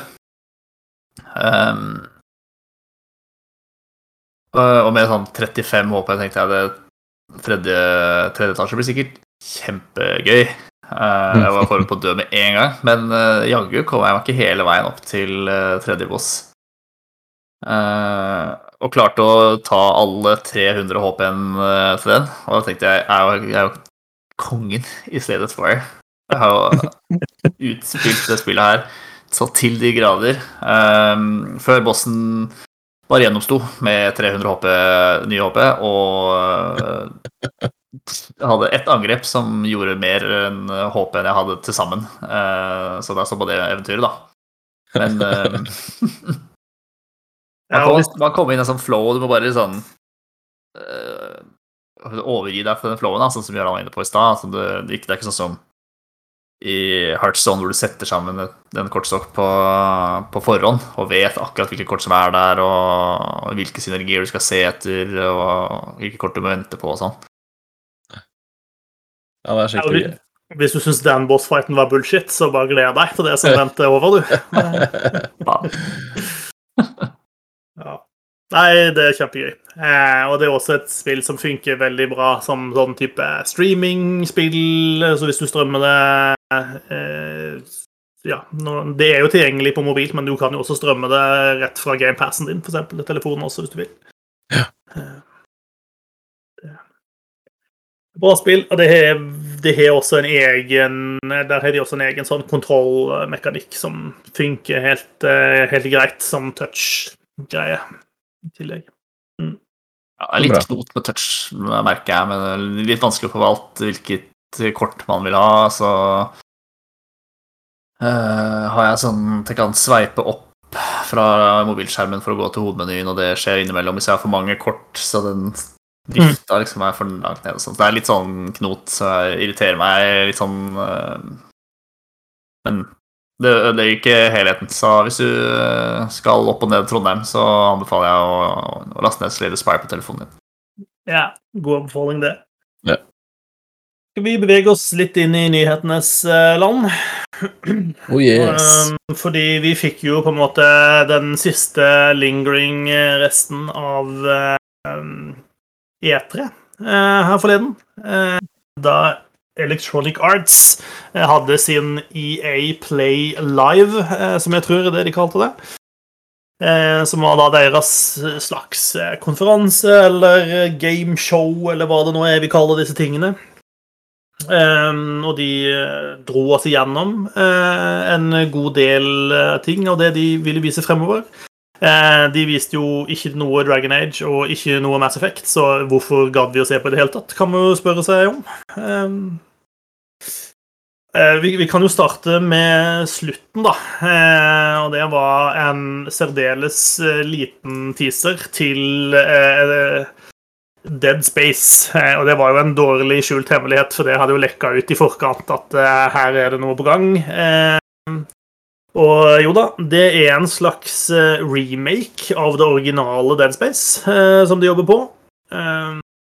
Du, den, selve teaseren viste jo ikke akkurat veldig mye, eh, men du får blant annet se eh, Ja, hva er det det står Altså, det er en sånn eh, det er et sånt kart, kart eller noe sånt noe, som henger inn i liksom den første, første rommet du kommer inn i Dead Space, der noen har skrevet 'Shoot them in the limbs', eller noe sånt. Shoot off the limbs, eller noe sånt står det vel. Mm. Ja, med blod, liksom. Eh, og eh, den husker du kanskje godt ifra, fra det første spillet, og den får du også se her i, i denne teaseren. da, som Det var indikerer- der Susanne slo av. Mm. Nopes. No unnecessary limb violence for me. Ja. Jeg, Ja, jeg ser for meg at Dead Space med oppgradert lyd og grafikk og litt sånn, kan, det kan bli ganske guffen. Jeg er ikke i tvil om at det kan bli guffent. Nei. Mm. Nei. Det, det, det tror jeg de skal klare å få til. Eh, Jeg, er- jeg er jo spent på hvordan de skal klare å balansere eh, en remake-biten av det med å gjøre med, med å modernisere det, for å si det sånn. da. Eh, Fordi vi spilte jo nylig det første spillet om igjen, og det hadde jo ikke holdt seg spesielt bra sånn mekanisk og sånt. Ehm, og vi var vel alle enige om at eh, denne, dette romskipet som vi var på, var eh, særdeles slitsomt å navigere. Eh, og Ja. I tillegg til at spillet føles litt sånn tungt og clunky ut og sånt. da. Det er klart Alle de tingene må de fikse, men jeg er litt usikker på ja, hvordan, hvordan klarer de å balansere dette med at de skal eh, holde i hevd originalen samtidig. Eh, jeg håper jo at de klarer å løsrive seg en god del. Eh, heller at de trekker inspirasjon ifra igjen, men at det ikke må være en eh, frame for frame samme spillet, på en måte. da. Ja, jeg håper det. Jeg håper de, og hvis de gjør det, så håper jeg det blir mindre actionspill og mer guffent. Jeg tror det spillet gjør seg bedre, da, som creepy, creepy spill enn som er sånn derre Å, nå kommer det 27 aliens mot deg, nå må du skyte alle sammen. Det er ikke Doom-spill, da. Jeg håper mer på en slags revival enn en remake. Jeg, jeg håper det blir en fullstendig omskriving, hvor de aldri svarer på det distress caller fra det jævla skipet. Og så bare seiler de sin egen eh, sjø og har det koselig og drivelig på, eh, på sitt eget skip. Må du plante litt blomster og gro Ja. grønnsaker og sånn på romskipet ditt. Blir faktisk en oppfølger til The Kind Chamomile til slutt, eh, dette her, tenker jeg. Mm. Det som gaver til kapteinen. Ja. Nei, jeg, jeg, tror, jeg tror nok at de kommer til Jeg tror det kommer til å være mye action i Dead Space. Jeg tror på en måte de Når de sitter og ser på hva er kjernen av denne serien, så tror jeg at action er en, en viktig komponent som de vil beholde. Det tipper jeg. Eh, jeg syns jeg husker at på en måte en av de, en av de liksom skumle tingene inni her var eh, altså ammo conservation. Eh, fordi at du hvis ikke du klarer å holde hodet kaldt hele tiden, og det gjør du kanskje ikke, så bruker du ammunisjon eh, litt nilly-willy, og så har du ikke ammunisjon du trenger når de skumle fiendene faktisk kommer. Eh, og det var på en måte noe av det som var skummelt i det spillet. Eh, at du var uforberedt, og det at liksom du løp fra en krise til en annen hele tiden. Eh, det var et, det et spill som gir deg veldig lite pustetid, da. Mm. Eh, og sånn sett så er det et ganske annerledes type spill enn Alien Isolation, som handler i mye større grad sant, om å snike og ikke bli oppdaget. Og, eh, nå er du på et område hvor du tror at du er trygg en stund. Eh, det gjør du aldri i Dead Space. Sånn, den pulsen senker seg aldri noe sted. Eh, det er ganske slitsomt. Det gjør i hvert fall at jeg klarer ikke å spille det i liksom, veldig lenge sammenhengende. Eh, for det det, det er veldig taxing. Men eh, vi får se. Vi fikk uh, next to no details, egentlig. Uh, annet enn den teaser-traileren om at uh, this is happening. Så, ja. Jeg tipper det er en stund unna uh, ennå, så vi får vel mer informasjon i, i framtida på et eller annet tidspunkt. De brukte en god del tid på Apex Legends. Jeg vet ikke om det er noen her som er noen veldig store spillere av det. Jeg vet Gjøran var innom det sånn en periode, men uh... Ja da, jeg spilte en del, jeg. Altså, det er et kult det er et kult spill, men det er igjen da, det er et Battle Royale. Så det kommer til et punkt der andre folk spiller det så mye mer enn en det jeg gjør, i hvert fall. Så det det, da blir det ikke gøy med sånne spill. Nei. Nei. Uh, I hvert fall jeg, Nei, jeg, jeg ga det opp etter hvert. Men det er, eh, det er Det lever i beste velgående. Det er mange, mange, mange millioner mennesker som spiller det, og de slipper nye helter og ja, og de presenterte da sesong ti, eh, som kommer. Eh, en ny karakter som heter Seer.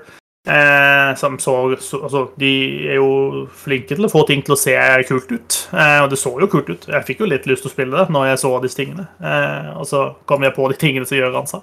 Så hadde jeg ikke lyst likevel. Men eh, det fortsetter i august, tror jeg, datoen for når sesong ti eh, starter. Revealen i hvert fall på dette, og det var et nytt bilspill som heter Grid Legends.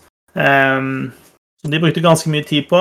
Det er jo Codemasters som, som EA har kjøpt opp. Uh, som uh, så ut. Jeg kommer ikke til å spille det, fordi bilspill jeg er ikke spennende, men ser lekkert ut. Jeg tror, jeg tror Codemasters vet hva de driver med, for å si det sånn. Ja, altså de er jo De lager jo bilspill, da. Ja. Mm. Og bilspill ser ofte bra ut.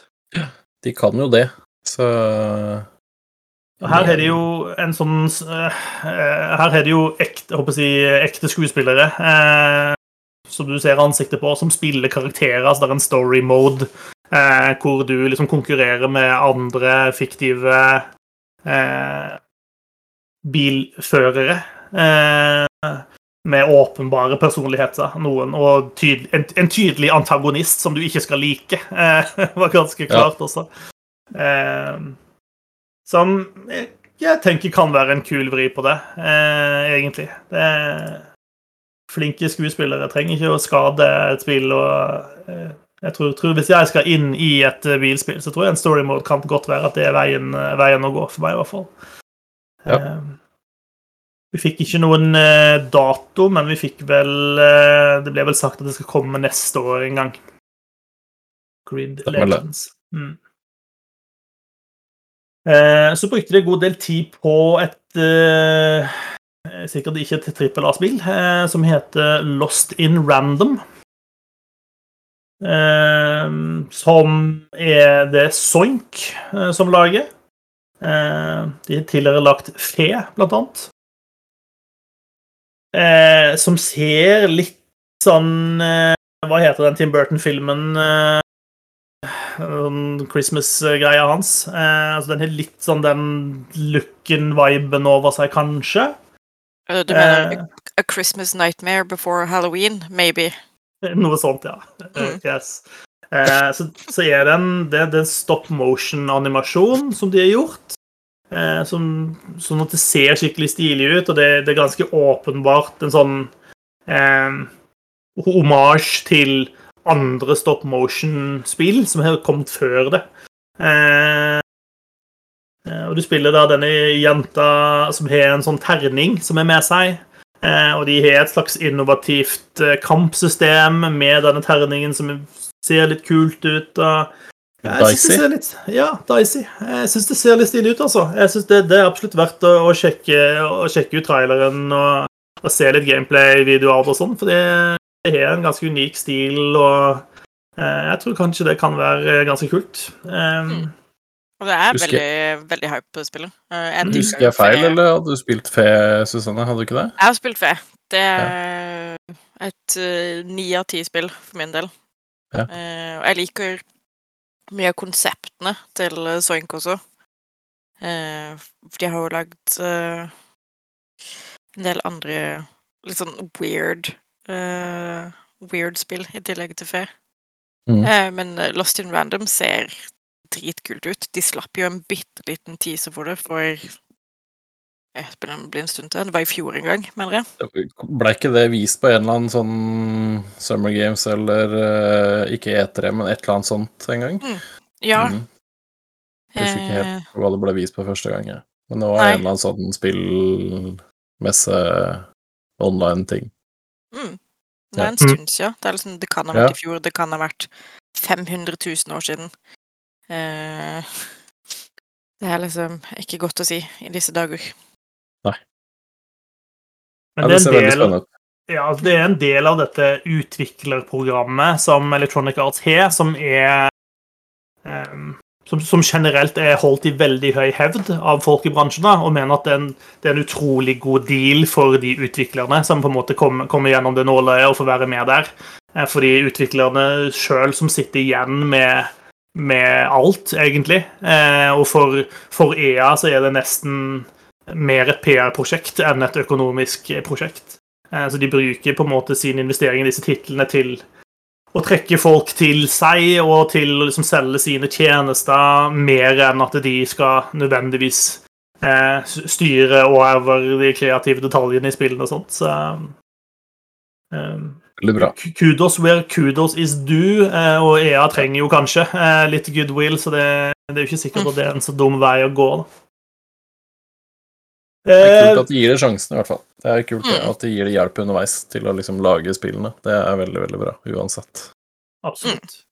Uh, Lost in Random kommer 10. september Oi! til konsoll og PC, så det er ikke så langt unna. Nei. Eh, vi fikk se hva de planlegger for sesong to av Knockout City. Eh, Knockout City ble, så vidt jeg skjønner, en ganske stor suksess egentlig med en gang det slapp. Eh, ble ganske populær. Eh, og de siste sesong to så lanserer de en slags Jeg tror de kaller det Fight at the Movies eller noe sånt. Og så liksom har de lagd en del eh, kartdesign og sånn som spiller på litt sånn klassisk filmgreie. Eh, litt sånn Hollywood, Hollywoody, eh, på en måte. Ja. Eh, jeg tror ikke det var sånn fryktelig masse ut, men det var sånn Hei, vi husker, vi har nettopp eller nylig gitt ut Knockout City. Ja, folk syns det er kjempekult. Kanskje du også skal sjekke ut hvor kult det er. Eh, og nå kommer det snart mer kult innhold til det. Så kan være verdt å sjekke ut det. Og så var vel kanskje den eh, tingen som de har brukt mest penger på, eh, Battlefield 2042.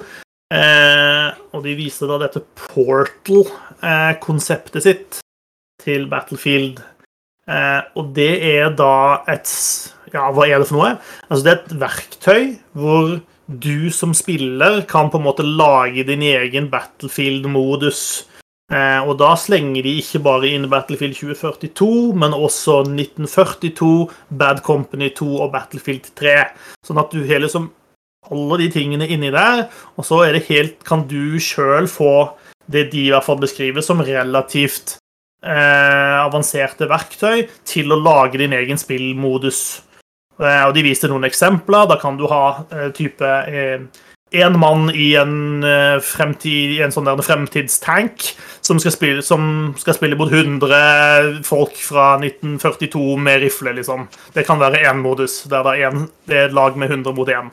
Eh, og, og masse andre ting. altså Det er åpenbart at det, her er det eh, mye kreativitet som er mulig. Eh, så jeg syns det så ut som en ganske kul, eh, kul greie, egentlig. Jeg er spent på hva folk kommer til å bruke det til. Eh, så det, det så ut som du kunne gjøre ganske avanserte sånne sekvenser i det, det greiene der. Det var veldig Ja, det så ut som et veldig robust verktøy da, for å la folk eh, gjøre veldig mye kult. Absolutt. Og så var de tydelige på det at det er jo begrensninger her. Eh, så vidt jeg skjønner det, så kan altså, du kan ikke laste inn egne assets, eksempel, sånne ting. Du må på en måte bruke det som er tilgjengelig i disse spillene, men du står veldig fritt til å gjøre masse crazy shit i de der. Eh, så jeg syns det så kult ut. Eh, er ikke og, og, og du Ja, nei, jeg vet ikke. Det Battlefield det har aldri vært helt min greie, men uh, her står man i hvert fall fritt til å lage egne ting, og det kan jo komme kule ting ut av det som helt sikkert EA er interessert i å se også, og kanskje EA også kan bygge videre på det og lage en kul greie hvis, uh, hvis noen kommer opp med en god idé som, eh, som ikke, ikke Dice er klart å, å komme opp med sjøl. Så Gjett om. ja.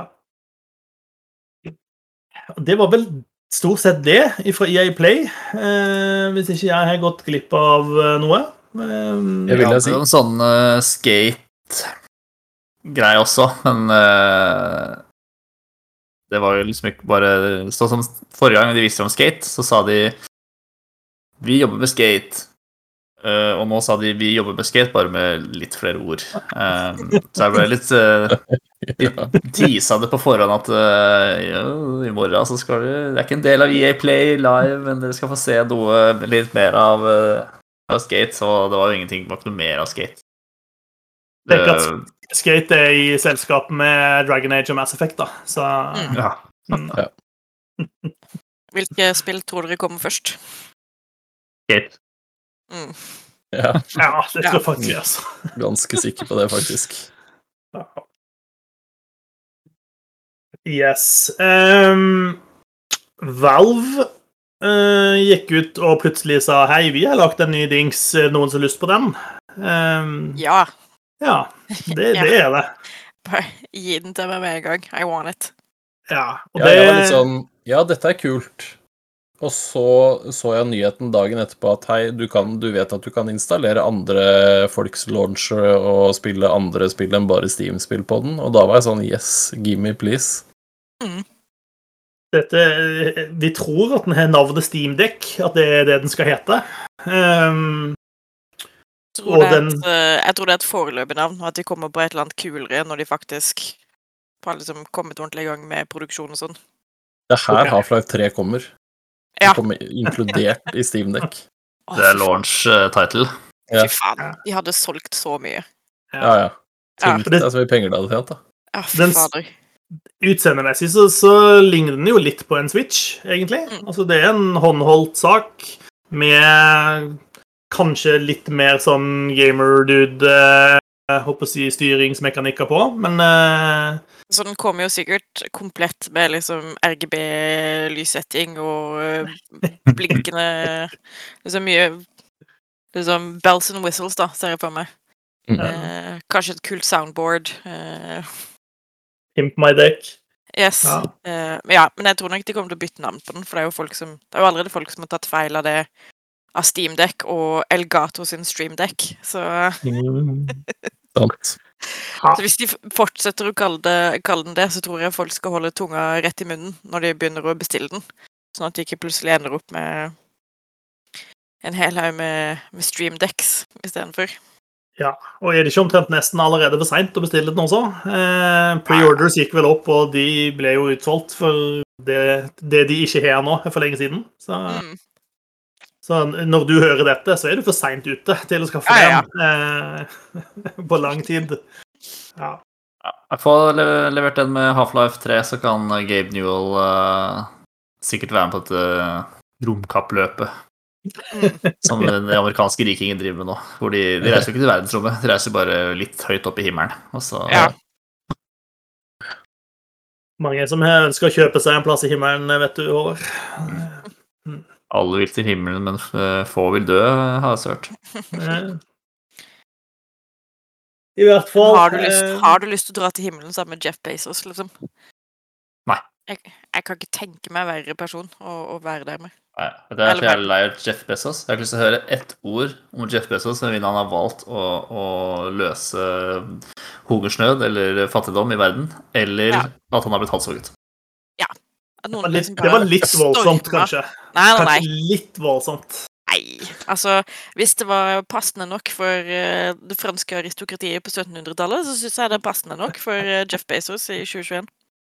Ja, jeg tenker det var en grunn til at man slutta med giljotinene på et tidspunkt, men, eh, men OK. Men jeg tenker jo at en av fordelene med å reise Det var i fordi de ikke hadde Ikea og kunne få en giljotin flatpakka og, og levert. Og bare sette den sammen når du trenger den. Ja, du Eh, mener det var for mye, det var for mye styr med den? Ja, ja. Mm. Eh, Praktisk problem. mm. Men det praktiske problemet har vi jo løst nå, så nå er det jo bare å giljotinere vei. Viva la revolusjon, sier jeg bare. Double jumpers rise up. Ja. Yes. Eh, nei, jeg tenker En av fordelene med, med å reise ut i verdensrommet med Jeff Bezos inn i en sånn der en liten penisrakett, er jo at eh, da har han jo ingen vei å flykte når du har lyst til å fortelle han eh, noen sannhetsord. Eh, da må han faktisk være der og høre på deg. Eh, Ja. Men han er så rik at han bare kan dytte deg ut av en airlock, og så bare være sånn Hæ? Nei, den personen har vi aldri hørt om. Jeg er ganske sikker på at han ikke ble med på turen. Han hadde ikke nok penger. hvorfor snakker Jeff Bezos sørlandsdialekt? Eh, fordi alle som er for, eh, har for mye penger, eh, snakker eh, teit. OK. Og så bare st stryker de det av liksom, passasjermanifestet med blanko, eller et eller annet sånt. Det holder, det. Ja, ja. Det er ingen Altså, som ser at det er brukt blanko på noe sånt. Nei, nei, nei. nei, og når du er så rik som han, så er det ingen som stiller spørsmål ved at det er blanko på passasjermanifestet. nei ikke hvis det ligger en million kroner ved siden av. Nei, nei. Nei, Eventuelt kan du kalke deg an, da. Det er Ja. også ta, mulig. ta en for laget og bare lokke opp døra, liksom. Det holder, det. Small price Small Ja. to pay for salvation. Det er det faktisk. Men da skulle jeg gjerne likt å vite på forhånd hva som skjer med alle assetsene hans når han dør. På en måte. Ja, det går sikkert. han neste jævelen, som er like kjip. Ja, så det man burde gjøre, er å ta Jeff Bezos gissel. Eh, Og så Mm. tvinge han til å overføre masse penger til en hel haug med sånne Shell Corporations som du eier. Eh, og så kan du bruke de pengene som du vil. Nå tenker en vi. penisrakett. Mm. Bygge masse penisraketter. Kanskje Ja, det- hvis du vil det. Ja, ja, ja. Why, why does it always has to be penises? Dette er Fordi vi er 2021. menn, da. Likestilling. Likestilling. ja. Mm. Ja, nei, jeg er all for it. Send opp noe annet, liksom. Send opp noe annet. Mm. Jeg føler det nå vi må ha en sånn disclaimer med at uh, dette er en opinion piece. Uh, Susannes meninger gjenspeiler ikke nødvendigvis Double Jump sine meninger. Pappa, jeg fikk uh, Susanne skrevet under en ganske detaljert kontrakt før første episode. Jeg tror vi er alle er enige om at det gjør han som er ansvarlig redaktør eh, av oss eh, i Double Jumps.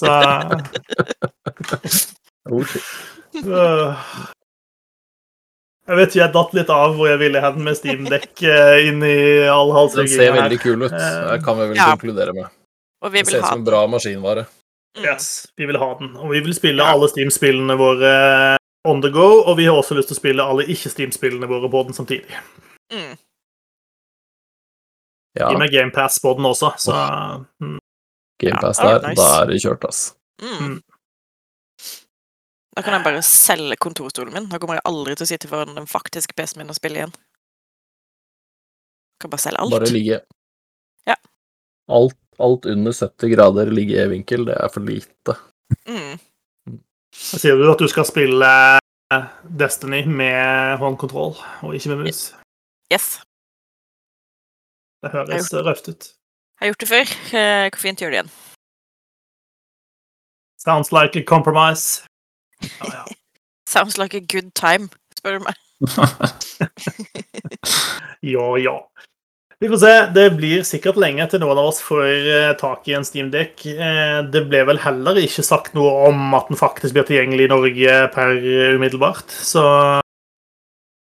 får, Den som lever, får se. Du kan sikkert kjøpe den på på internettet for fryktelig masse penger fra noen som har kjøpt opp alle forhåndsbestillingene. Eh, Ja. Mm. De samme Jeg står 50 000, ja. Dollar. Mm. Det er jo halvveis til en ny penisrakett, da. Det er jo Mm. Jeez. Ja, ja. Ja, Liten- eh, altså, det for- forbehold om at det er liten ikke så gærent, da. ja, en liten penisrakett fra Ja. type Ikea. Eh, Ja. Build your own. Ja. Ja. Mm. Jeg har hørt at det skal ikke si noe hvor stor han er, så det går fint, det. ja, ja. Men det var en Eh, samtale. Move, move, moving on. Uh, in other news. Uh, Ubisoft hadde en liten sånn en, uh, happening, de også, der de annonserte et nytt spill. Det har det snedige navnet X-Defiant. Det vil si, det heter vel sannsynligvis Tom Clancys X-Defiant. Fordi det de, Noen hos Ubisoft har tenkt vi har jo masse Tom Clancy-ting. Hva om vi tar alle Tom Clancy-tingene og lar de møtes i ett spill? Som en sånn der en eh, Tom Clancy-gasm. Eh, det er det de har gjort her. Eh, så Tom Clancy's X-Defiant. Eh, selv om de viste en del av det, så var det litt vanskelig å få helt taket på nøyaktig hva spillet var. Men det føltes litt som at det var en slags hero shooter, egentlig. Eh, og de har da lagt flere ulike factions eh, basert på de forskjellige Tom Clancy-lisensene sine.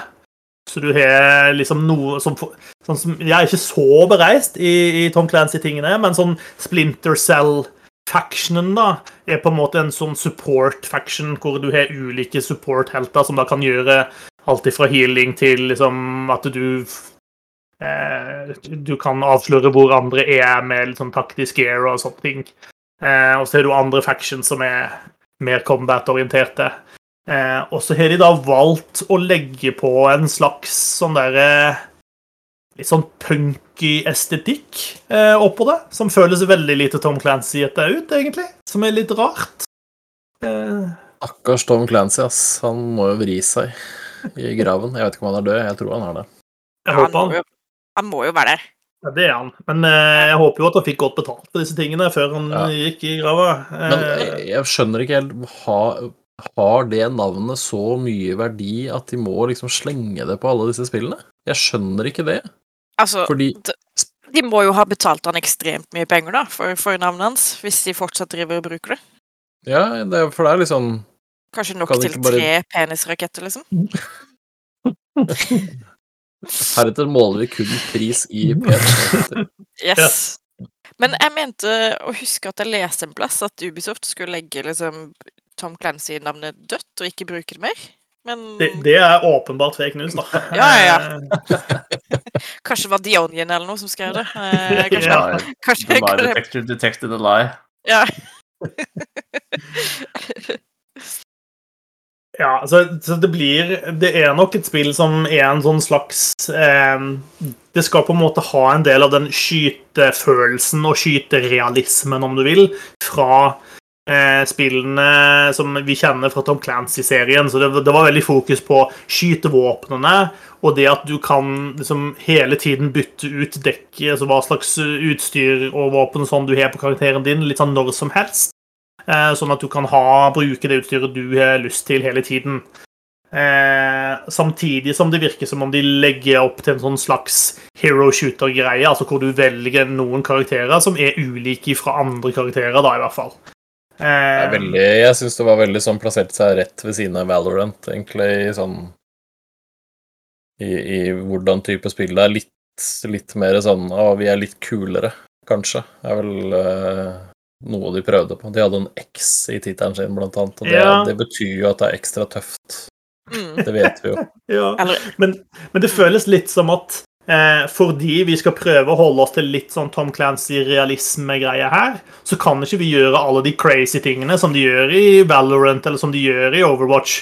Eh, og Derfor er vi heller nødt til å prøve å bare gjøre estetikken mer fargesprakende og crazy isteden. Eh, og så, så er det egentlig et eh, Counter-Strike in disguise som du spiller likevel, på en måte. Det var litt den følelsen jeg kanskje satt igjen med, da. Eh, men Sa du noen dato sånn på det? det var et godt spørsmål. Jeg tror ikke vi fikk en dato, men ikke på når spillet som kom ut, men jeg tror de sa at det ikke var veldig lenge til man kunne begynne å teste det ut i en eller annen sånn beta early access-variant, mener jeg på ble sagt.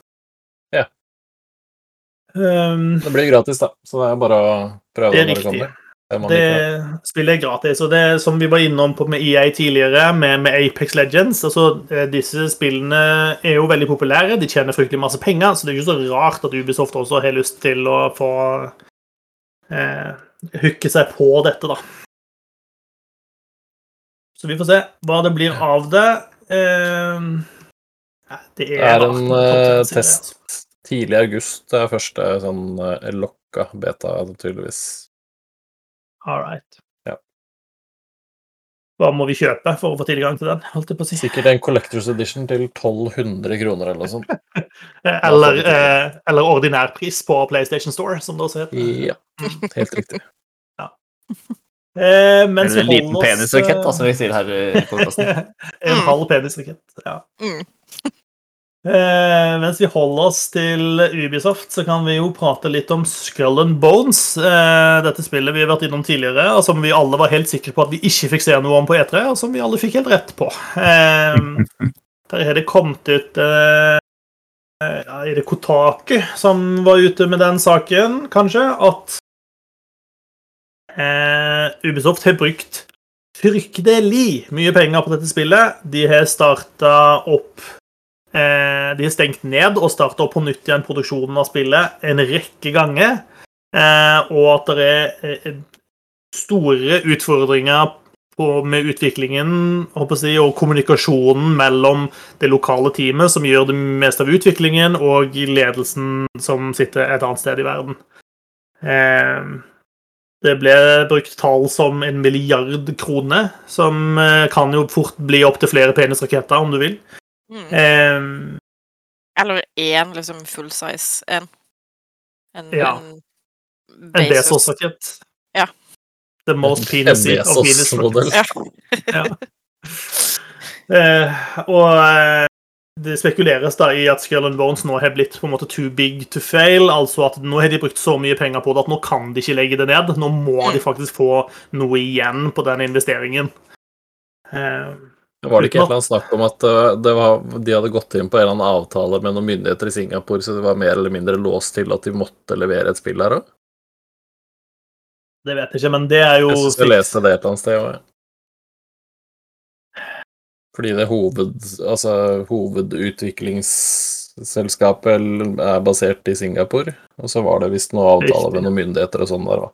Så de hadde låst seg til å mer eller mindre måtte gjøre noe. Ja ja, da er de stuck, da. Da må de sitte og få ut dette spillet, og det burde de jo gjøre snart også. Eh, Ubisoft sin kommentar så langt til denne saken har vel stort sett vært at eh, ja da, ja da, slapp av, vi jobber med spillet, det er på rett kjøl, og det kommer, dere kommer til å få se noe av dem ikke så lenge. Mm. Deilig. Yep. Ja. Jeg gleder meg skikkelig, ass. Det var kanskje det største problemet også, at folk gleder seg ikke egentlig noe særlig til det heller. Det er litt sånn, det er vanskelig å se i dag hvor, eh, hvor de skal få igjen eh, investeringene sine, da. Eh, Det, det spillet må ha noen skikkelig kule microtransactions, tenker jeg, for å få igjen pengene. Det er liksom piratversjonen av Fifa Ultimate Team som må på plass. Bare legge seg rett inn på sånn der TikTok, sånn der sea shanty mikrotransaksjoner og sånn, så tjener du den milliarden på ingenting. Altså, Ja, ja, ja. Ja. Du skulle jobbe i PR, du, vet du. Ja. Ja. Ja. Kunne du blitt eh, penisrakett-rik? Å, fy fader. Det hadde gjort seg. Mm. Det hadde gjort seg. Eh, hvis du har råd til de nevnte rakettene, så har du også kanskje råd til å kjøpe deg et RTX 3090 skjermkort. Eh, Nei. Nesten ikke. Nesten ikke. Nei. De koster sånn typ omtrent en rakett, de. Det koster omtrent en rakett. Eh, og hvis du har først eh, spinka og spart deg opp til et sånt et, så er det veldig leit hvis du har spilt eh, Jeff Bezos sitt nyeste dataspill, New World. Eh, som eh, ser ut til å ete eh, enkelte typer av det grafikkortet. Eh, med andre ord, hvis du har Det er vel EVGA sin, en, av deres varianter av 3090-kortet som blir ødelagt eh, av Amazon sitt kommende MMO-spill New World. Og det er ganske kjedelig, må det vel være lov til å si. Bare gå på Amazon og kjøpe ditt, da. Ja, dette er jo planlagt. Det merker man jo med en gang. Mm. Det er som sagt dumming. Jeg, jeg tror at du ikke bare kan gå eh, på Amazon og kjøpe et nytt 3090-kort heller. Jeg tror det er ganske mye rift om de tilgjengelige kortene. Eh, dyre som de er. Eh, nå skal det sies da at EVGA har vært ute og sagt at de vil erstatte de folk som får ødelagt eh, kortet sitt. De skal få et nytt kort, sånn at liksom, det er ikke, det er ikke, du har ikke tapt pengene dine, for å si det sånn. da. Eh, men det er jo fortsatt ganske kjedelig eh, å få det fancy nye kortet ditt ødelagt av en MMO som ikke er ute ennå. Eh, og en del ting tyder på at de har vært klar over den utfordringen en stund. Jeg har sett én som har kommentert at han spilte dette spillet i en tidlig beta, og fikk da kortet sitt ødelagt, og fikk skaffa seg et nytt et. Eh, Og så spilte han dette igjen da, og fikk det ødelagt på nytt igjen. Så jeg mener da da kan man jo begynne å lure litt på hvem, hvem sin feil dette er. Er det du som er problemet, eller er det spillet? Men uh, Alltid Ja. brukerfeil. Alltid brukerfeil. brukerfeil. bruker feil. Ja, ja. Ja. I hvert fall, jeg håper at de får fiksa dette ganske brennkvikt. Eh, det meldes også om at hvis du har Nvidia sitt RTX 3090, så er du safe. Så da kan du kose deg så mye du vil med New World. Eh, det spillet er vel nærmer seg vel release, gjør det ikke det? Er ikke det sånn over sommeren en gang at uh... Jeg tror jeg lurer på om det var tidlig i august, til og med. Ja. Ja. Jeg har fått, uh, fått en del skryt nå for den siste betaen og endringene de har gjort, visstnok. At det skal være på rett vei mot noe. Men om det greier å dunke uh, Final Fantasy 14-hypen uh, bort, det spørs. Ja, vi får se. Um, vi holdt på en god stund, men vi har en siste sak eh, vi må gjennom før, før vi gir oss. Um, og det er jo heller ikke en hyggelig sak, sånn sett. Um, California-staten uh, har valgt å gå til søksmål mot Activision Blizzard for eh, arbeidsforholdene eh, som de utsetter eh, sine ansatte for. Em, det er jo ikke Altså, Vi hører jo ofte om dårlige arbeidsvilkår i spillbransjen, men det er ikke så fryktelig ofte vi hører at myndighetene faktisk mener at de har nok til å gå til sak eh, mot, eh, mot en arbeidsgiver. Eh, Ja, så var det vel Det var vel heller ikke basert på en sånn én e-post. Det var vel mange år med etterforskning bak det også. Mm. Mm. Du etterforska i to år. Og en del av detaljene som har kommet ut eh, liksom over den siste uka, er jo Det er jo helt forferdelig å lese. Eh, på en måte De eksemplene som kommer frem, viser jo en eh, kultur der eh, ja, kvinner ikke har noen plass, egentlig, eh, i bransjen i det hele tatt. Eller i Activision Blizzard, da. Eh, Mm. Der de blir konsekvent eh, eh, forbigått. Eh, de får lavere lønn enn vanlige ansatte, og blir utsatt for en eh, behandling som eh, ingen kollega er verdig, for å si det sånn. da. Eh, det er ganske ned... Det er ganske Ja, for, noen, altså, for noen som liker spill og, liker, og har det som en interesse, så er sånne saker fryktelig, fryktelig triste å lese, rett og slett. Både på et menneskelig plan, men også for vi som spilljournalister er, ender jo ofte opp som en litt sånn eh, forsvarer av spill som konsept, i hvert fall. Om ikke nødvendigvis bransjen, så i hvert fall sånn Spill er en god ting, det har noe for seg, det har en egen verdi. Og så når på en måte spillbransjen sjøl saboterer seg så fryktelig med sånne ting som dette, så er det litt vanskelig å holde den fanen så høyt. Ja. For det er liksom Altså, det Dårlig arbeidsmiljø og, og forskjellsbehandling, det er på en måte det er ikke riktig, men det er én ting. Men det som kommer fram i, de, i den saken her, da, det er, det er, så grovt også. Det er så innmari det er så, det er så langt forbi bare dårlig arbeidsmiljø. For det er liksom Det er så Det er systematisk mobbing, og det har, altså det har jo pressa Det var vel en, tidligere ansatt som, som begikk selvmord, liksom? Som Altså, altså Nå vet man ikke hele bakgrunnen selvmord på en tur i regi av Blizzard fordi hun sin nærmeste sjef hadde seksuelt trakassert henne over flere år. Ja. Mm. Og det er ganske eh. sånn systematisk seksuell ja, ja. trakassering også her. For det er, sånn, det er ikke bare, var ikke bare et, Hun var ikke et enkelttilfelle, da. Jeg har sett Nei. flere kvinner, tidligere ansatte kvinner i, i, Blizzard som har kommet med sine, sine historier. Så det er liksom ikke én sånn mm. enkelt hendelse. Liksom, for hver hendelse du hører, så er det 100 andre du ikke hører noe om, på en måte. Ja, ja. Det er veldig, veldig inngrodd da, i det miljøet, men det er litt sånn det blir når du har liksom, veldig mye nepotisme og, og menn som er litt sånn Ja, som får lov til å styre og herje litt sånn som de vil, uten noe særlig tilsyn. Eh, og bare har en, en skikkelig, skikkelig jævlig eh, ukultur, da.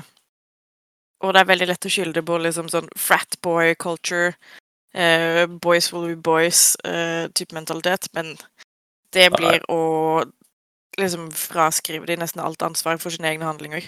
Ja, og det er eh, voksne mennesker som, yeah. som jobber der, ikke sant. Det er, ja. det er, ikke man kan skylde på det heller. At...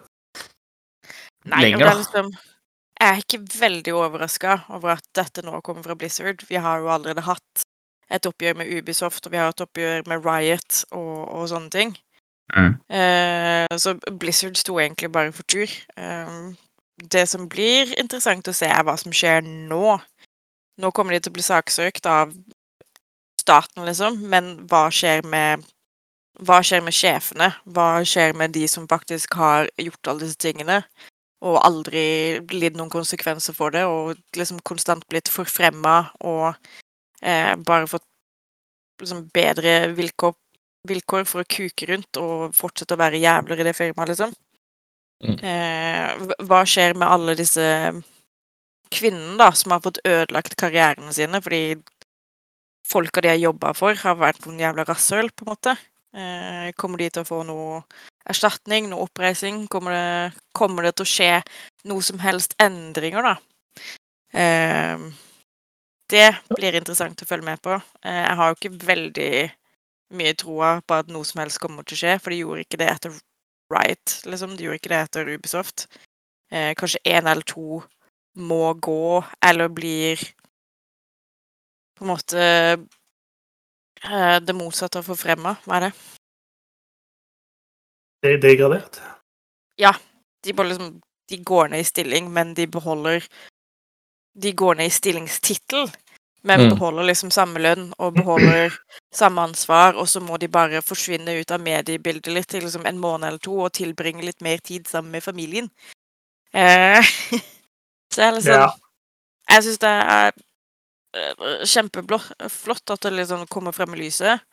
Eh, masse sympati og veldig stolt av alle disse folka som har kommet frem.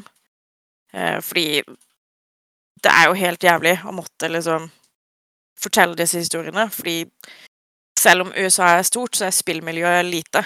Eh, eh, og hver gang du forteller en hist sånn historie, så er sjansen veldig stor for at du blir sett på som en vanskelig person å jobbe med.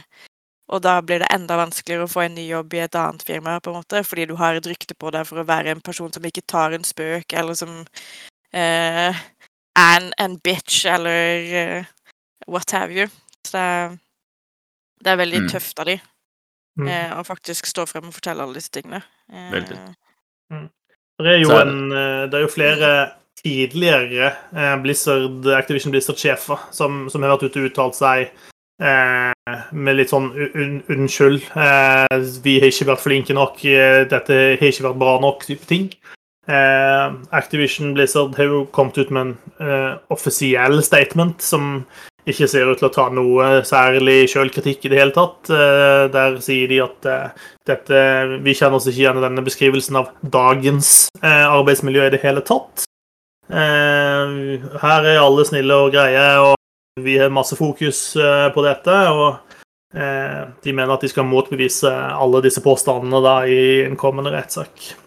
Ja, det, det kommer de ikke til å Interne Den interne e-posten som ble sendt ut der, og er helt tonedøv i forhold til alt som liksom kommer fram. da. Så det er liksom der, Det er en veldig, veldig merkelig måte å møte det på også, sånn sett. Så det er jo eh, Det er jo enda godt at det er en faktisk en, en, en helt konkret sak som ligger der, som må gjennomgås, som de må liksom Altså hele prosessen må gås, da. Den kan Mm. liksom ikke De får ikke De får ikke skuffa alt det her under teppet, for det er liksom oppå opp hos, hos staten, da. Så det Man får håpe at de det blir litt konsekvenser som en følge av det. Det Men det Ja. Nei, det blir spennende å se. Ja, altså. Det er jo noen, tragisk. noen må jo gå. Ja ja, men Noen hoder må rulle, og det er visse folk i Blizzard som aldri burde få lov til å jobbe i spill, spillbransjen igjen, på en måte. Eh, aldri burde få lov til å jobbe med andre mennesker, kanskje. Eh, og det er jo noen av de som har jobba for Blizzard, som også har kommet ut med states, statements, blant annet eh, Chris Metzen. Eh, har jo også kommet ut med en egen statement. Det samme har Mike Morhaime.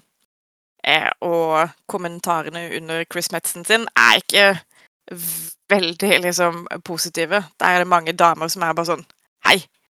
Hei, din jævla idiot. Du var, du var liksom en del av problemet. Her er liksom incidents som du direkte står ansvarlig for. Så Altså, de kan jo eh, unnskylde og ansvarsfraskrive seg så mye de vil, men på et eller annet tidspunkt så er jo disse mennene da nødt til å innse at dette er liksom ikke Dette er ikke noe noen andre har gjort. Dette er liksom De er en del av problemet, og det tror jeg veldig mange har veldig vanskelig for å innse, da. Fordi man tenker jo alltid på seg selv som en, en bra fyr. Som en, man er en av the good guys.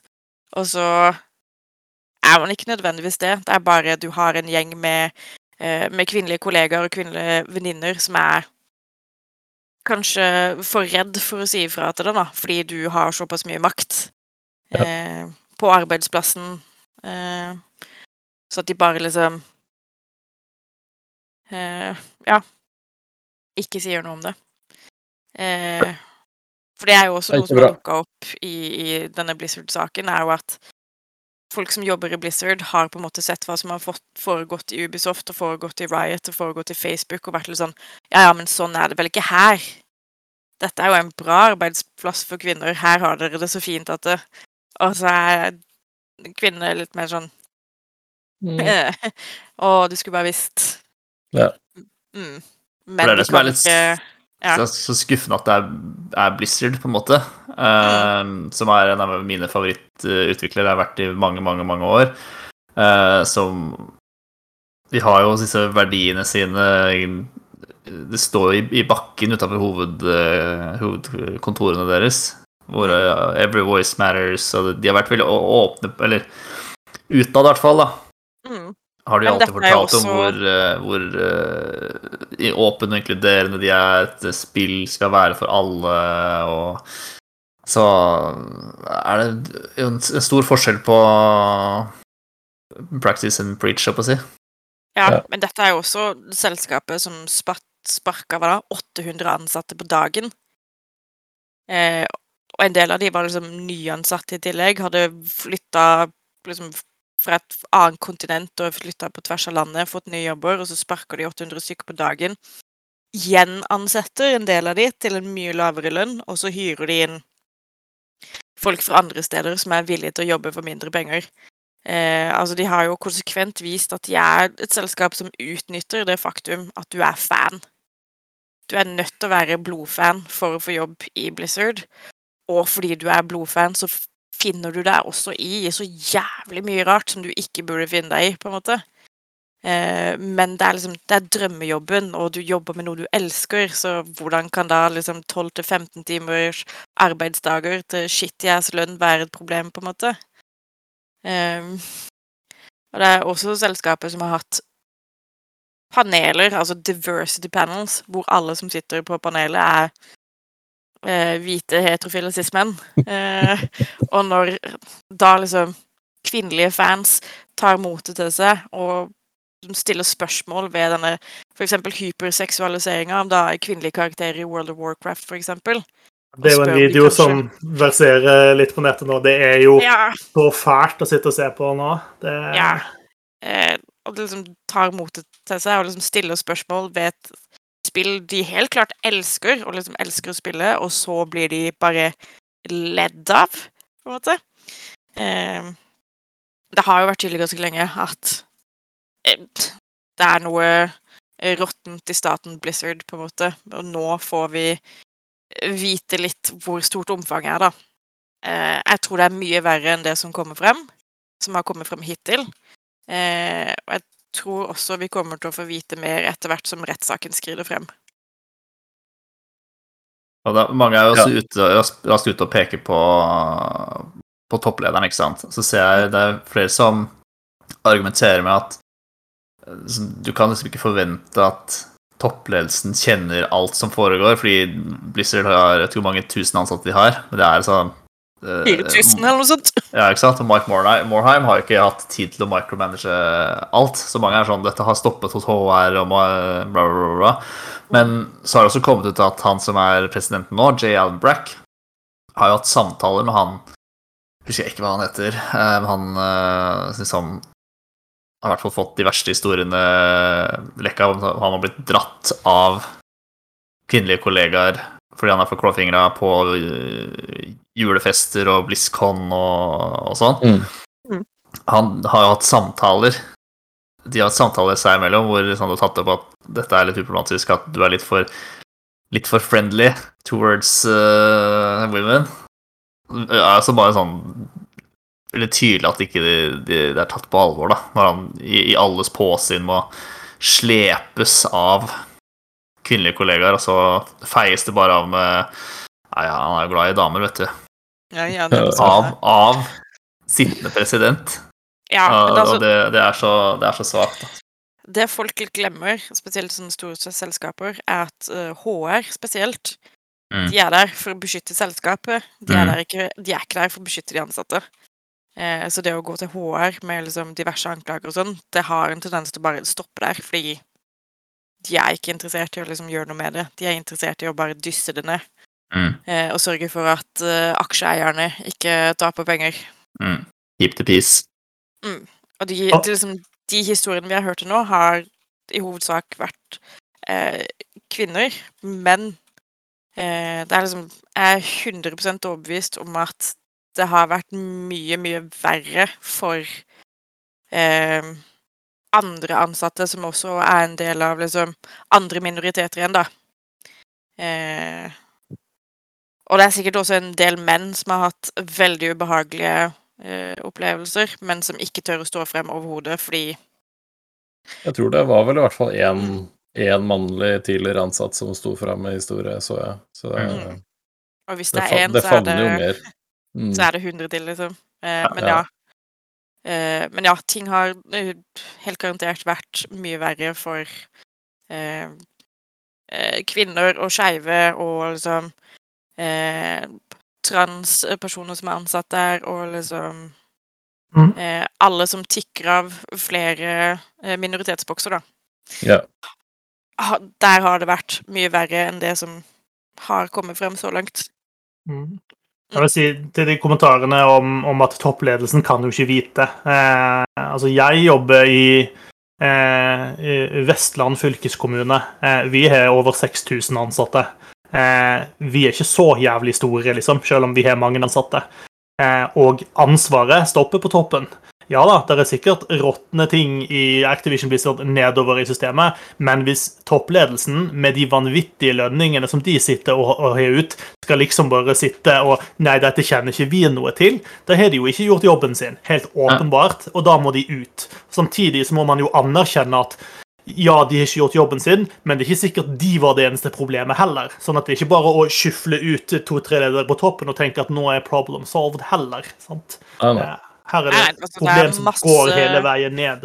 Og jeg kan jo Ja, ja. si, som eh, den i Double Jam som jobber som HR-rådgiver, eh, så kan jeg også si at her i Norge eh, så har vi en veldig fin ting. Eh, og det er at eh, hvis eh, en ansatt kommer til meg med en utfordring, eh, så kan jeg informere den personen om at jeg jobber for arbeidsgiver her. Eh, du må gå til fagforeningen din, så kan de ta denne saken for deg. Eh, og det eh, er ikke det samme i USA. Eh, om de har fagforeninger i det hele tatt, om de får lov til å unionize eh, i det hele Det har, jo tatt. også, Eh, det har jo også vært en sånn stor greie innen spillbransjen de siste, siste årene, Mm. er at utviklerne er nødt til å få lage seg fagforeninger. For det er hittil Det eksisterer ikke. Eh, og fordi spillbransjen er en såpass ny bransje, så er det heller ikke noe sånn eh, Det er ikke noe oversikt og ikke noe på en måte, Det er ingen som har noe innsyn i hva som skjer. og Det er liksom ikke noen lover som, som dekker det som skjer i den bransjen. Og liksom arbeidsmiljølovene i USA sånn generelt er jo helt på trynet. Eh, så du har på en måte en, en kaskade av ting som bare er helt fucka, og så kulminerer det da i, i det vi ser nå i Blizzard. Ja. Så, Ja. mm. Bedritent system tvers igjennom. Det er på en måte et system som er avhengig av at de folkene som er si, De rike sjefene, de må være snille og hyggelige. Eh, det er liksom det det er bygd på. Eh, Mm. for, og hvis, hvis du ikke oppfører deg som ansatt, så kan du bare erstattes. Eh, null stress. Hvis ikke du vil finne deg i driten, så er det nok av andre folk som vil gjøre det, så da ansetter vi de isteden. Mm. Øh, av og til er det greit at vi jobber i Norge og ikke i USA. Ikke at ikke det fins problemer i Norge også, for all del, men eh, vi har på en Nei. måte systemer som forsøker å gjøre noe med det, i det minste. Ja. Mm. Enn så lenge, i hvert fall. Enn så lenge. Hva ble dette han å si for hvordan dere eh, skal si, konsumerer Blizzard-spill? Kommer dere til å slutte å spille Overwatch? Nei, er jo det ærlige svaret på det. Mm. Um, jeg ser jo at det er blant annet en del streamere som har vært ute og sagt at nå vil de boikotte spill fra Activision Blizzard. Eh, vi vil ikke lenger bruke spill fra de til vårt content. Eh, og jeg tenker det kan jo være fornuftig. Eh, spørsmålet er jo skal det være en sånn eh, Altså hvordan vurderer man når, når skal man eventuelt gå tilbake igjen og kunne, kunne streame spill fra Activision Blizzard? Vi kommer ikke til å ha nok innsyn i de prosessene til å vite eh, når om noen gang er ting bra igjen. sant? Eh, det er ikke nok innsyn i de tingene der. Eh, for min del så er det litt sånn at det er så mye drit overalt at eh, hvis, hvis jeg skal begynne å på en måte ikke spille spill basert på eh, at det har vært ekstremt kjipe ting hos en utvikler, så er det ganske mange utviklere vi etter hvert på en måte må ha på den svarte lista. da. Eh, og det, Ja, det gjør det, er, det eh, gjør det vanskelig, men det er vanskelig for en forbruker også. Eh, litt sånn fordi eh, de som har jobbet og strevd og slitt under de jævlige forholdene for å lage et spill som de er glad i, har jo ikke lyst at eh, vi skal boikotte det de har jobbet for, heller. Eh, så det, er jo en måte Man må prøve å finne en måte å ta problemet på uten å nødvendigvis skade det som er bra der, da. Ja. Hvis det er mulig. Ja, det er vanskelig. Det er uh... Ja, altså spørsmålet er jo om man kan separere liksom, kunsten fra kunstneren. Og det har jo vært et uh, spørsmål så lenge man har konsumert noe som helst. mm, Eh, er det innafor å lese Hamsun, selv om han var nazist, på en måte? Uh, jeg prøver å unngå å uh, støtte problematiske kunstnere, da, om du vil, med penger, så godt lar seg gjøre. Uh, Jeg kjøper ikke flere Harry Potter-produkter, for å si det sånn. Og det er visse spill jeg unngår å spille fordi det er et enkelt spill, og det, er, det går. Men når du har et sånt fuckings eh, konglomerat da, som Activision Blizzard, så er det vanskelig å unngå alt. Eh, men nå spiller jo ikke jeg World of Warcraft, jeg spiller jo ikke Overwatch, så for min del så er det enkelt. Eh, men som en samboer som er blodfan av World of Warcraft, så blir det jo en helt annen sak. Men jeg ser jo ikke for meg at han kommer til å plukke opp World of Warcraft igjen med det første, eh, til tross for at han har eh, alle liksom Collectors Editionene og liksom figurer og tjohei. Eh, jeg tror nok heller han kommer til å hoppe over til eh, Final Fantasy 14 eller et eller annet sånt. Hei. For, Stå, eh, stå med åpne armer, jeg. Han, tar ja. får, han For- få en klem på veien. Ja, eh, så det er liksom Så det er jo bare et spørsmål om, om hva man orker å være en del av, og hvor mye man Hva man kan unngå, da, uten at eh, man går på bekostning av seg selv, antar jeg. Det ender vel opp med at det er litt sånn som du sier, det er en, er personlig avgjørelse. på en måte. Hva, hva føler du deg bra med og ikke? sant? Mm. Eh, og så klart det er jo kanskje en forskjell. Hvis du kjøper Knut Hamsun-bok i dag, så sitter ikke han og casher inn eh, lenger på, på de pengene. Eh, men kjøper du eh, Overwatch, så er det noen i Activision Blizzard som sitter og hever lønn som kanskje ikke burde gjøre det. sant? Så, Mm. ja. Men samtidig så er det jo liksom hundrevis av dedikerte sjeler som, som ikke har gjort noe galt, som har jobba med det her.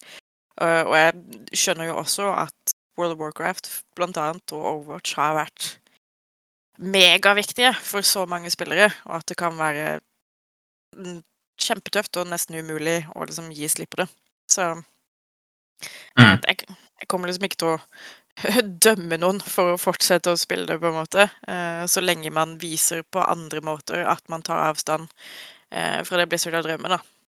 Ja. Eh, men jeg vet jo med meg selv at jeg kommer jo ikke til å plutselig plukke opp World of Warcraft eller, Overwatch nå.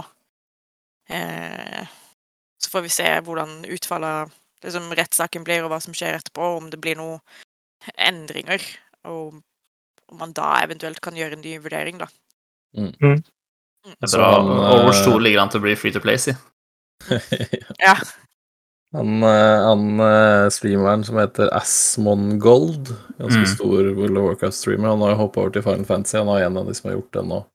Han la ut en, en kort video på Twitter der han liksom prata litt om det her, og det var litt sånn i eh, Som en streamer så var det selvfølgelig da masse folk som oppsøkte streamere som spilte Blizzard-spill, og hetsa og trua og begynte og tok det den veien, da, ikke sant? Og følte seg Mm. berettiga til å kaste masse drit til de som Å, du må boikotte, og dette er feil, og du er dust, ikke sant. Mm. Mm. Så han la ut en ganske, en ganske reflektert og overraskende gjennomtenkt liksom, kommentar på hva han mente om det, og hva han mente om akkurat det der. Så Mm. ja. Det, er- det, er en, det er en kinkig situasjon, men eh, jeg er enig i det. Altså, folk må på en måte Folk må få avgjøre selv hva de, hva de føler er riktig og galt, og så er det ikke noe som er Altså, jeg kan ikke fortelle Susanne at det er teit å slutte å spille Blizzard-spill, og hun kan ikke si at hei, Blizzard er teite, eh, boikott de. Det er liksom en personlig, personlig avgjørelse man tar. Eh, men Ja, altså det er jo flere måter å boikotte og, og, og ta Ja. avstand fra ting på, da, enn å bare ja, ja, ja. slutte å liksom spille noe. Eh, Mm. Så man gjør jo bare det man føler seg komfortabel med, rett og slett. Ja. Eh, Men det er dritt. Jeg håper det skjer noe der. ja. Det er liksom det man I, i forlengelsen av så får man håpe at det liksom på en eller annen måte så blir det bedre for de som er der nå, da, om ikke annet. Og kanskje de som har opplevd disse tingene, får en eller annen form for kompensasjon som de føler er bra også. Uh, ikke at det kan gjøre det noe, noe lettere eller riktigere, men uh, ja. Hadde vært kult med kvinnelige sjefer, da. Mm, Det hadde kanskje vært et sted å starte. Da. Starte Ikke der. Ja. Mm. mm, Noen som bryr seg om hvordan arbeidsmiljøet er, kanskje. Mm. mm. ja, og noen som ser det. Fordi Ja. jeg tror, tror som vi var inne på, at en, en av utfordringene er at da går eh, mannfolk rundt i Activision Blizzard og tenker at her er alt fint og flott, ingen problemer her. Mm. og som, så som genuint mener det. Fordi Ja. de opplever ikke at de blir utsatt for disse tingene. Så ja. Nei, og Hvis ikke de blir utsatt for de tingene, så kan det jo ikke skje med noen andre heller.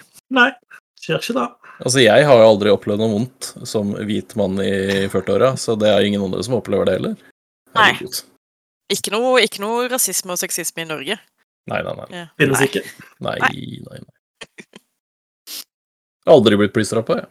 Ingen som prøver å sjekke meg opp på nattbussen på vei hjem, så da regner jeg med at det ikke skjer med noen andre heller. Så det mm. Uff. Eh, on that note, jeg tror vi har, vi har strukket denne episoden så langt som eh, vi kommer i dag. Uh, det har vært gode diskusjoner. Jeg syns alltid det er hyggelig å prate med dere. Eh, håper dere som så skråstrek eh, lyttet på oss, uh, syns det var OK også. Eh, hvis du har noen meninger om dette, så la oss gjerne høre om det i sosiale medier. Eh, vi er tilbake igjen eh, på et eller annet tidspunkt. Eh, Vi beveger oss inn i sommeren, så vi får se om vi er tilbake om en uke eller to, eller hva det blir. Eh, men plutselig så er vi i hvert fall her. For meg sjøl, Gøran, Håvard og Susanne vil jeg si takk for at du hørte på, og på gjensyn slash hør. Hei hå. På gjensyn slash gjenhør. På gjensyn slash gjenhør.